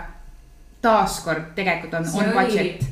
see, see villa maksis sada viiskümmend eurot öö jah, mis on. Eestis spa nädalavahetus on ju. Ja ma võin ei öelda-, sa ei saa isegi tegelikult. vist ei saa enam Jaa., umbes. ja, ja no ma, ma ei saa, ma ei, kahele. ei saa nagu sõnadega edasi anda seda nagu, kui luksuslik see oli Jaa. ja kui nagu efektne, ilus. Mhm. et, et see tõesti oli nagu selle raha eest nagu mind blowing, et, et sa saad endale lubada väljaspool hooaega midagi nii luksuslikku mm. -hmm. mis ei ole tegelikult üldse meie reisimise eesmärk. jaa, me, absoluutselt. me keegi ei ole lihtsalt juhtus nii. ja jaa, et me pigem eelistame, et me saaks lihtsalt minna. Jaa. aga kuna see oli nii naeruväärselt odav ja ongi see villa oli kaheksale ja meid oli viis, onju. Mhm. et nagu noh, see, see oli tõesti nagu uskumatu. Minnal oli oma tuba eh, kahe inimese voodi mullivanniga mina olin siis armsas Tommy Cherry lastetoas, kus üks voodi oli veel. veel. siis äh, Liisa ja Tanja jagasid äh, ühte voodit ja Mhm. Merli allkorrusel oma eraldi vood nagu Mhm. tuba, mis. mul oli reaalselt mingi alumine siuke nii-öelda soklikorrus oli Jaa. reaalselt minu. seal oli eraldi köök, seal villas kokku oli kolm kööki. seal oli nagu see põhiköök, eks ole, mis oli siis elutoaga nii-öelda ühendatud. siis oli Merlil seal allkorrusel oma, oma köök, mis siis, kus siis avanes ka kõik äh, uksed basseinile. ja Merli tõmbas oma uksed sa lahti said ja me- otse minna oma toast kaks sammu basseini hüpata jah, ja siis oli veel köök, mis läks siis põhiköögist läks uks sinna teise köök või noh, siis nagu kolmandasse kööki, mis oli mõeldud selleks, et kui sa väljas grillid, siis sa kasutad seda teist kööki. täiesti ajuvaba. minu selle all oligi siis see piljardilaud ja, ja. mitte laud, vaid pillardiruum, ja kus oli baarilett ja, eraldi, et No sa said nagu, see ja oli, noh, ja veel suur tegelikult söögilauaala. Jaa, et see oli- no ma olin täiesti eraldatud ja, ja ma kujutan ette, et kui nagu mingigi üritus, kus sul ongi Mhm. kaheksa inimest, tahad, ma ei tea, millegi puhul minna, see on nagu noh, tegelikult sada viiskümmend eurot töö on väga-väga mõistlik ja sellise koha kohta ja seal ütleme, et kui on defini-, definitsioon miljoni dollari vaatele, siis sealt villast nii suurest toast kui terrassilt basseini See ääres avanes see. Ja see oli iga hommik. ühtegi maja ees, et meil olid majad siis kohe meie taga üsna nagu lähedal, aga ees ei olnud reaalselt ühtegi maja. ja väga vaikne oli seal ikkagi ka. ja, ja see, sest see küla oli noh, ikkagi täiesti. välja arvatud see. üksik karjus, kes vahepeal kitsadega seal mööda jalutas. aga sellest oli ükskõik meil. aga, aga muidugi selle koha nagu see, mida peab arvestama, see, et see ei olnud nagu kuskil äh, metropolis või. ja, ja, et oligi kolm, Jaa. kolmkaküla. Ja et- et aga kuidas see ongi äge maha-. minu meelest see ongi äge, sest see ehedus, mis me seal mina nägime. otsingi noh neid kohti alati. ehk siis me jalutasime sinna kohalikku külasse, kus me käisime poes. ja siis mingi mõni kilomeeter eemal oli siis see nagu väike linnake mm. Mhm. -hmm. aga no ma arvan, et Platsil. Merli ja, ja Tanja võivad rääkida nende emotsioone, kui me siis järgmine hommik, kui me alges kohale jõudsime. Lähme nõks tagasi. Ma arvan, et, ma arvan, et juurde. tegelikult, tegelikult peaks Liisa hoopis rääkima seda nagu kuidas te- tema kõrvalt nägi seda meie emotsiooni või teie peaks tegelikult rääkima seda, ei no kuidas. sina olid vist närvis, aga minul olid. aga see lennureis lennureis. ei no kohal olles ma ei olnud närvis. Jaa. ei, aga lennureis. Aa, mina võin öelda, et ma olin ainult kuulnud lennureisis seda, et kõrvad lähevad lukku, on ebameeldiv ja ebamugav ja hirm ja kõik asjad. mul oli nagu see, et noh, millal see siis tuleb. noh, millal see siis tuleb ja see ei tulnudki. mul oli ainult see, et issand, kui äge. ja no ja siia Itaaliasse lennates täpselt samamoodi, minu meelest see, kui lennuk nagu stardib, mul oli nii suur naeratus näol. parimaid Jaa. tundeid üldse. kui ta selle hoo üles võtab ja järgmine hetk on ta õhus, ma olin nagu ja siis saad aru, et sul on nagu suu on kõrvul. ja mul oli samamoodi, ma vist ei me, ole normaalne. kui me Tallinnast seekord nüüd Itaaliasse õhku tõusime, siis minu kõrval oli Itaalia noormees, kes nagu tundus väga rahulik ja nii kui lennuk hakkas käima, ta hakkas nagu meeletult nihelema, tundus, et tal on nagu tõsine lennuärevus mm.. noh, ta haaras ees, viskas kinni, hoidis kahe käega, jalad käisid teelud, katsus, noh, näha, et inimesel on ärevus. ja siis ma ei tahtnud nagu ebaviisakas olla, siis ma pöörasin pea akna suunas ja siis nagu suur naeratus näol nagu me läheme. rahustit ei tahtnud pakkuda talle. ei tahtnud. aga Merli siis. ei no ma ütlen jah kiirelt ära, selles mõttes, et mul oli jah, nagu Mhm. kerge, kerge mingi ärevus, sest no ilmselt, ilmselt ongi mingi lapsepõlvest saadik on olnud nagu mingi sihuke a la filmides sisendatud, on mingi lennuõnnetused bla,, blablabla. turbulents ja kõik. ja, ja, ja, ja, ja, et no mingi väike, ma ei saa öelda, et ei olnud, eks ju, aga midagi nagu siukest hirmsat ei olnud mm. -hmm. aga, aga noh, tõesti samamoodi nagu Tanja ütles, et äh, seda ei tulnud mm. -hmm. nagu seda, et, et jah, see hoopiski oli hoopis meeldiv see, et see, see kiirendus, see oli see on nii nagu mõnus. Jaa, see nii mõnus mina ei tea, millest nad räägivad. Mm, ja, ja nüüd, nüüd tõesti see, et äh, nii nagu ka esimese lennu ajal mingit turbulentsi ma ei tundnud, mingit No see see oli nagu nii smooth sõit ja, ja nüüd teise lennu ajal nagu noh, täiesti mul oli nagu juba ah, nagu ei, see ongi nagu bussisõit, ma arvan, et jaa. et esimene nagu lend ongi see kõige suurem emotsioon. ja sealt edasi on lihtsalt see, et ainuke, mis on, on, on see emotsioon, et ma kohe varsti olen seal, kuhu ma lähen. ja ja ma saan siit minema see või mis, ootuse ja, elevus ja või no ootuse elevus, ma ütleksin siis isegi selle mul võib-olla esimesega oli nagu noh, alguses ikka mingisugune hirm on, et noh, et millal see nüüd tuleb, eks ju, või noh, see, et sa tead, et midagi peaks tulema, sest kõik on rääkinud, et noh, tuleb nüüd mingisugune hirm, kõrvad lähevad nii lukku, et paha on olla ja valus on olla ja kogu aeg pead midagi neelatama või mis iganes. no ei tulnud, aga see tei-, selle teise lennuga nüüd, kui me tulime Itaaliasse, siis ma mäletan just seda kiirendust. no võib-olla see oli lihtsalt oskuslikum äh, piloot ka. et see kiirendus oli ikka nagu mega, see oli nii mõnus ja ei, see kiirendus on äge jah. ja no, Aga ma ütleks, et professionaalsed siin- reisijad juba siin kõrval elavad. ja, et siin, kui Itaalias me sõidame rongidega, siis kohati Minna vaatab mulle otsa ja saab aru, et mul on nagu siin rongis on raskem olla kui lennukis. sest see mürin, issand jumal, selline tunne, et nagu midagi läheb kohe katki, see, see reaalselt lendab tükkideks kohe see asi, mis. ta ei ole kunagi vist äh, mäe sees varem sõitnud metroo või midagi see, see on jõhker müra. Aga- lennuk on selle kõrval köki-möki. minu nagu see emotsioon, mida ma mäletan, et teie kaks esimest reisit oli see järgmine hommik, kui me selle lõpuks üles ärkasime ja otsustasime sinna kohalikku äh, linna vist ja minna esile. Ja siis- noh, mina olen, eks ole, varem reisinud, Minna on varem reisinud, Liisa on käinud, aga noh, Merli ja Taani jaoks oli see esimene nii-öelda lõunamaa reis ja siis noh, tollel ajal oli märtsis igale poole jäid siis apelsinid ja mandariinid ja, ja, ja pomelod ja õitsvad mandlipuud ja no mida kõike veel ihaldab. sidrunid. lilled. ja siis lihtsalt Lilled. see, see, see mõni kilomeeter sinna linna suunas oli umbes niimoodi, kaks tundi lihtsalt ja kõndisime. kahte kilomeetrit. vaata, sidrunid puu otsas. ma ei oska seda Taaniat nii hästi järgi teha. ja siis need kaks, kaks nagu eh, nii-öelda algajad siis olid lihtsalt nii vaimus, sest meie olime kõik nagu, et jah, sidrun jah. ja nad nimetavad meid varasteks, sest meil oli ikkagi kotikega kaasas, aga mina nüüd äh, tunnistan üles, et mina ei käinud vargil. mina ainult raksutasin natukene.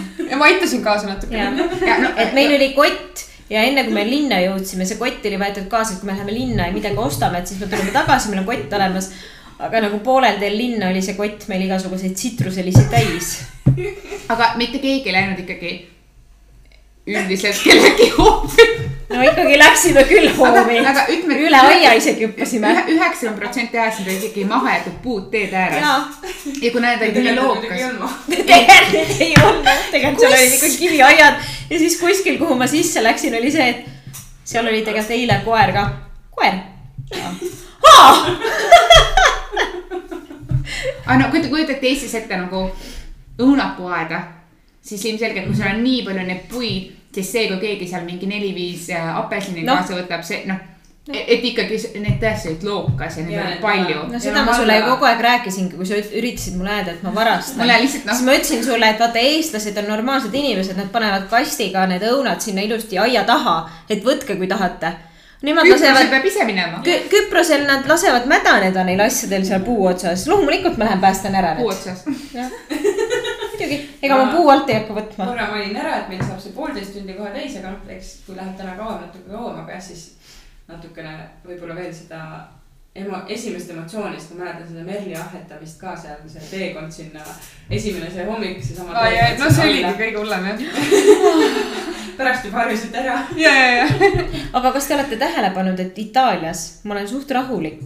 ma Ei, ohhetan no vaikselt oma see. Sul on ikka need lilled. Lilled on jah, tavaline teema. Ja kui ma näen neid tsitruselisi seal puu otsas, siis ma nagu, aga hea uudis on ma see, olen et sa see reis pole nagu Raksus käinud.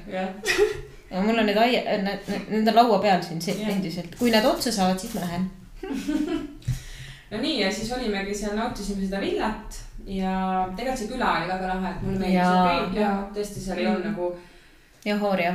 nii jah, Neohori oli siis selle nimi ja nii-öelda ei olnud seal mitte midagi teha. aga meie ikka. No me nautisime just seda Jaa. olustikku eelkõige, et see oli puhkus. mm. -hmm.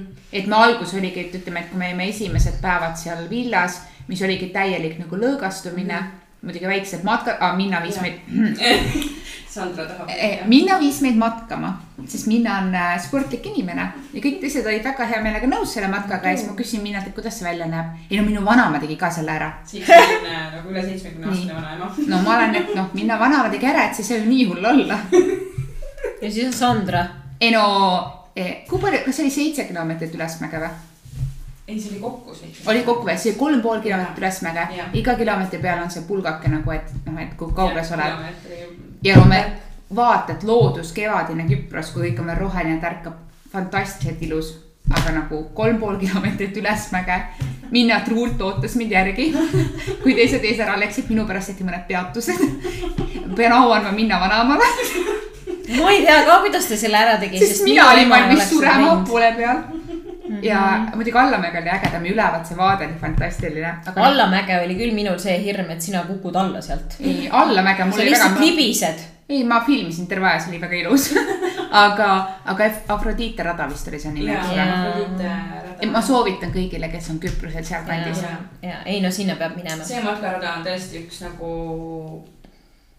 üks vägevamaid matkaradu vist, kus mina olen käinud oma reisil. ja taaskord, kui see oleks suvel olnud, oleks olnud nii kuum, et ei oleks saanud ilmselt seda niimoodi teha. jah, pluss äh, loodus on ilmselt ära kõrbenud.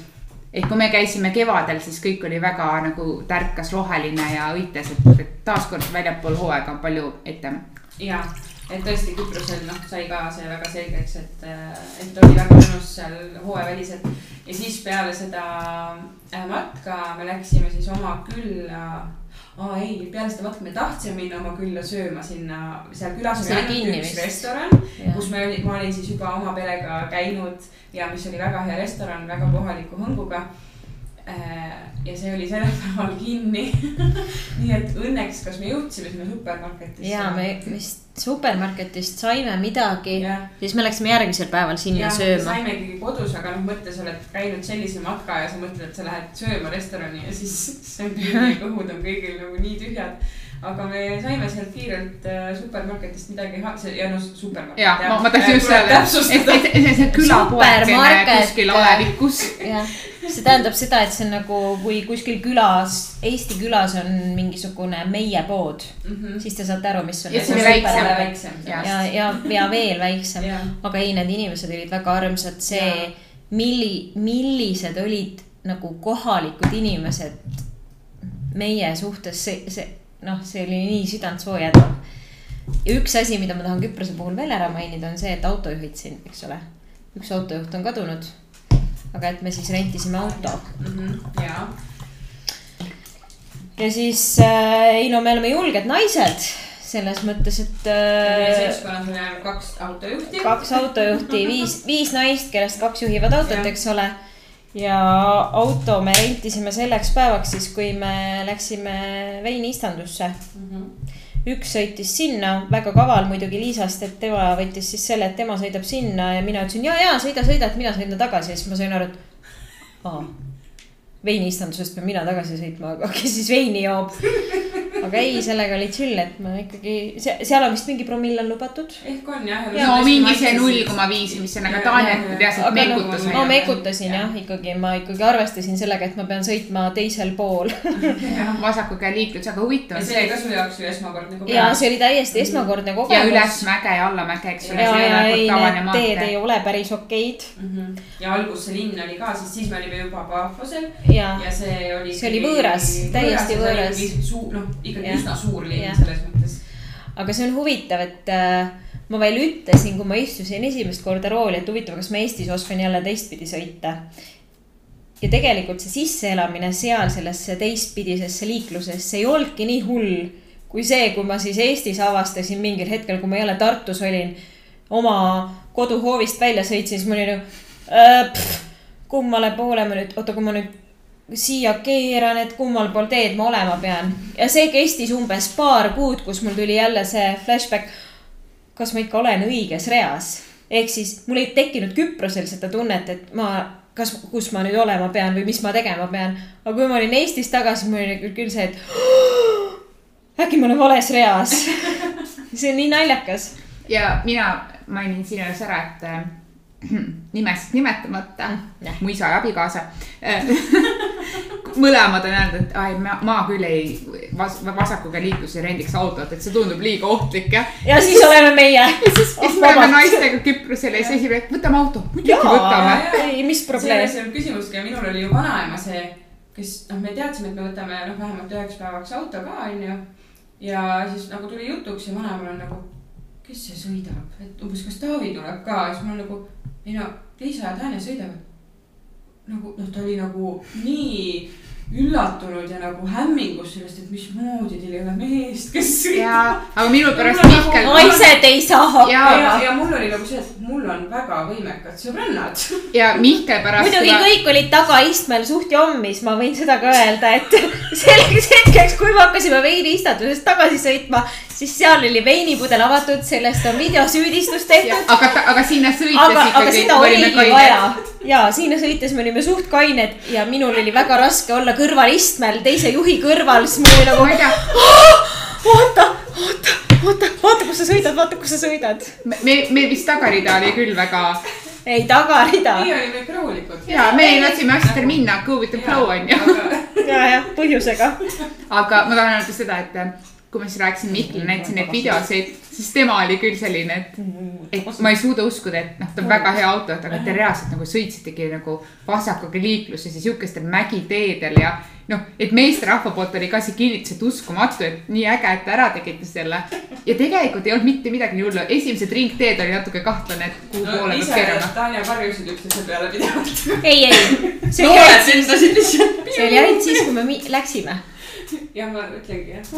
tagasi eks teile, sina karjusid. ega siin parem ei ole, ega siin parem ei ole. ta oli reaalselt nagu äärekivi ta,. ta, tagasi teel Liisa oli kõrval, see Jesus take the wheel ja kõik läks. ja ei, see oli elamus igatpidi ja tõesti, minul ei olnud nagu kahtlustki ka, ma ei kahelnud. Mina ka ei kartnud huvitaval kombel. Ma Tartus kardan rohkem. minuga või? jah, päriselt. ei, ei, ma niisama tõgan, ei väga äge oli, aga ma tahan veel selle veiniissanduse kohta öelda, kui me siis autoga sõitsime, et kohalik vein Küprosel on väga hea, kui keegi mõtleb, et hea. Itaalia vein on hea või Hispaania vein on hea, siis ma võin öelda, et Küprose kohalik vein on väga hea, tasub proovida. kuidas me selle veini istanduse avastasime, ma mäletan, et mingi vestluse käigus ma vist mainisin, et, et kuulge, et siin on veini istandus, kas võiks minna no ja, ja, et noh, vaata midagi, onju. noh, see, see, meil on see, et teised korraldavad reisi, siis reisi käigus igaüks pakub mingi idee, kuhu võiks Jah. minna. Ja siis ma nagu vaatasin Google Maps'is neid kohalikke veiniistandusi ja üks nimi, mis oli kõige lähemal meile, torkas silma, et kuule, et see on see. kas ma pole seda veini joonud juba, siin reisil mitu korda ja, ja siis, et oh, nii lähedal ka, et lähme sinna. ja see oli tõesti meie lemmikvalge vein nii meie seltskonnaga kui ka eelnevalt. äh, ja Küprosel jällegi olid veinid väga odavad. ja Jah., ja, ja me läksime nagu lihtsalt selle peale, et kõige lähemal me teame seda veini, nagu veini, mis me jõudnud, et lähme kohale ja kellelgi ei olnud mingeid ootusi mm. -hmm. Minu meelest, kuidas teil oli? ei, noh, et ma ei, ei mäleta nagu, et suured vaatame. ootused, lihtsalt Ei. lähme vaatame. ma ei tea, kas üldse keegi on kunagi käinud teist varem? ei Ei ole, ei ole. ja mul tuli Ei ka hästi spontaanselt kuidagi see mõte, et veinimaa, et noh, et äkki siin on ka veiniistandused. ja, ja me läksime kohale ja kogu see taaskord nii-öelda kogemata avastatud koht. ma arvan, et meil kõigil on nagu selle reisi üks kõige nagu ja, jaa. siis tõesti nagu Tanja ütles, maailma parim vein. See tõesti oli Ja see ma ei oli- tea, mis nagu mälestus. Taavi siiamaani räägib, et ja, ja see oli see olustik ja kõik see jah, oli, aga see Oli. vein oli tõesti hea ja just see ka, et see oligi see valg, noh, see valge vein, me olime ainult valget veini proovinud selle veiniistanduse oma enne siis sinna minekut. ja see oli tõesti kõigest, kuigi kõik vein oli hea, siis see oli alati see lemmik, et kui seda oli, me võtsime Jaa. alati seda veini. ja, ja, ja no see istandus oli ka, et me jõudsime kohale, sihuke armas nagu väik-, väikse pere oma nii-öelda. ja läksime sisse, kohe öeldi, et ja, ja, et tuur on tasuta. ja vist, kas oli viis eurot nägu äkki oli see, kümme. Eurot nägu oli see. et oli viis erinevat veini ja siis snäki mingi vaagenkaba peale. aga no kui sa mõtled noh, et viis erinevat veini, kümme eurot nägu, see on ju noh. ja see omanik ise isiklikult ja, tegeles ja seal ei olnud mingit nagu sissepääsutasu muud. See omanik tuli, tegi meile tuuri, viis meid igal pool, näitas, kuidas see tootmine käib, kõik hästi armas inimene oli. viis meid saali istuma, istusime maha ja, ja siis toodi need veinid, naisterahvas, keegi tõi need veine, ütles paar sõna iga veini kohta ja omanik oli kõrvalauas kellegi teiste mingi seltskonnaga rääkimas, siis tuli meie juurde ja kuidagi jutt hakkas jooksma ja mm -hmm. siis ta rääkis, kuidas see nagu toimib, tema pere oma ja kõik ja. see taustalugu. Rääkis veinide kohta, kuidas ära tunda, et mi- millist valget veini osta, millist punast. ja kuidagi see oli nii soe õhustik, noh, mina te vahetasite tegelikult lõpuks isegi kontakte mingil hetkel, et äkki kunagi saaks maale tuua. sest tema ütles, et ainuke Euroopa riik, kuhu ta siis peale Küprost müüb, seal on hetkel Saksamaa üks koht, kus ma nagu isegi ei mäleta seda. jah, et nii, nii, et ainult see, et noh, et, et ta on nagu nii väike istandus, et ta lihtsalt ei müü seda välja. aga no ma võin küll öelda omalt poolt ka, et me oleme Itaalias veini joonud, jaa, me oleme Eestis veini joonud, me oleme erinevate riikide veini joonud ja kuidagi see selles oli mingi. selles oli Jaa. mingisugune ja just see organic roosa. no ja mina ka ja rosee ei, mul roosa oli. ka see organic roosa ja see punane ka, et noh, kuigi see valge oli ju enne- ja mille pärast me läksime mille pärast sinna me ja läksime ja see oli noh, endiselt väga hea, aga tõesti see roosa ja see punane avaldasid sellist muljet, et noh, mul ongi see, et ma pean nagu Taavi sinna viima, sest ta ei usu. Taavi. Taavi, me oleme Itaalias, me oleme kohalik Itaalia veini joonud, ma võin sulle öelda. ei, Küpros oli midagi teistsugust. see ei, noh, aga Jah. siis üks asi, oota, mul oli just mingi mõte, et äh, ma tahtsin ah,, Merlilt tahtsin küsida, et sul oli nagu see, kui nördinud sa olid, et su see esi-, eel, eelnev Küprose reis, mis oli sul planeeritud, ära jäi? nagu sellel hetk, selles hetkes, et kui sul oli see, kui sa alguses pidid minema. ja äh, tead, ma isegi ei mäleta mm -hmm. nagu. ma lihtsalt tahtsin sinna välja jõuda, et kas nagu lõpuks Ma arvan, et lahenesid. ma arvan, et it was meant to be, vaata. ma arvan, et see oli nii, kuigi mis hinnaga ma murdsin oma jalaluu ära. et tõesti sellepärast siis äh, Jaa. su reis ära jäi, aga, aga et kui rahul sa sellega oled, et see nii läks kõik. olen. et tõesti. enam paremini ilmselt ei oleks saanud minna. selles mõttes ja, et äh, ma arvan, et noh, minu esimene planeeritud reis oleks pidanud olema siis sel hetkel jaanuarikuus, mis oleks olnud veel külmemal ajal, et äh, Jaa. ja igatepidi ma arvan. Et selles mõttes kõik asjad lõpuks äh, lähevad nii nagu peavad. ja, ja, ja. mul läks küsimus Nõustun. kohe, et äh, noh, Liisa, Liisa on meil see early bird, ta läks magama juba ära. aga et äh, ma mõtlen, et mina nagu varem, kui ma olen käinud reisil, ma olen käinud kas siis mehega või siis mingi mehe ja sõpradega, eks ole. aga see oli minu jaoks tõesti nagu esimene reis ainult tüdrukutega või noh, naistega. -hmm. et ma arvan, et nagu see mõte, esimene mõte, et me lähme viiekesi, et kuidas see nagu reaalselt välja näeb, me pole nii palju aega koos veetud omavahel, intensiivselt nagu terve nädal aega ühes pundis. see oli mingi täielik nagu, no see oli sihuke esimene nagu connect või nagu see su suhte loomine täielikult, ja, eks ju. ja, ja ma võin nagu öelda seda ka, et, et kui muidu on see, et oh, naistekari ja mingid draamad, et tegelikult see on uskumatu, et, et nagu see oli nagu nii chill ja puhkus samal ajal mm -hmm. ja me kõik saime muidugi naised ikka omavahel nagu räägivad oma probleemidest ja olustikust, aga samal ajal see oli nagu täielik aku, akude laadimine mm. -hmm. et ma julgustan nagu siin kohapeal kõiki kuulajaid, kes seda podcast'i kuulavad, et kui on nagu mõte, et minna, ma ei tea, pere või mehe nagu absoluutselt minge, aga et ärge jätke kasutamata võimalust minna oma selle nagu naisperega, kes on sõbrannad. ja et see on nagu mingi, see on täiesti teistsugune elamus, et ma võin öelda, et ma olen enne seda reisinud ikkagi päris palju. aga sellist elamust nagu Küprosel oma tüdrukute pundiga või nagu nüüd Itaalia, et see on mingi täiesti teine energia. Mm -hmm. ja ma arvan, et iga naine peaks kogema seda oma elus, mis tunne on oma nagu sõbrannadega olla reisil. jah, ja ilmselgelt äh, see toimib meil väga hästi, sest juba pool aastat hiljem me oleme siin, kus me täna praegu istume. et, et see tõesti on imeline, no meie seltskond on ka midagi täitsa imelist äh, minu jaoks ja ma arvan, et meie kõigi jaoks. ja mis ma siin tahtsin ka, noh, me oleme siin podcast'is ka varem maininud seda manifesteerimist, et et noh, samamoodi see tüdrukute sõbrannade reis oma parimate sõbrannadega, et kui kaua ma olen äh, unistanud sellest juba, ma arvan, väikse tüdrukuna, et minna koos sõbrannadega reisile. eks meil on need filmid ka, noh, Ja siinkohal peab mainima seda Sex and the City, eks ole mida me vaatasime Küprosel esimest osa, kus nad niimoodi Ja pooljuhus ja Mhm. pooljuhuslikult nad sinna Mehhikosse läksid, eks Jah. ole. ja see natuke nagu seedinud peas, et mõtle, kui äge oleks siuke sõbrannade punt, kellega niimoodi Mhm. minna. ja siis ühel hetkel sa lihtsalt nagu haarad nagu, elu pakub ja sa võtad sellest võimalusest kinni, me kõik võtsime ja nagu tegime aega ja keegi meist hetkel ei kahetse seda absoluutselt ja see, mis ma tahtsin, nüüd mul läks mõte sassi, et äh, oh, mul oli mingi hea mõte. ju siis ei olnud nii hea. tuleb tagasi. jaa, aga jah, mingi selle sõbrannade koha pealt. aga nüüd läks täitsa meelest. nii.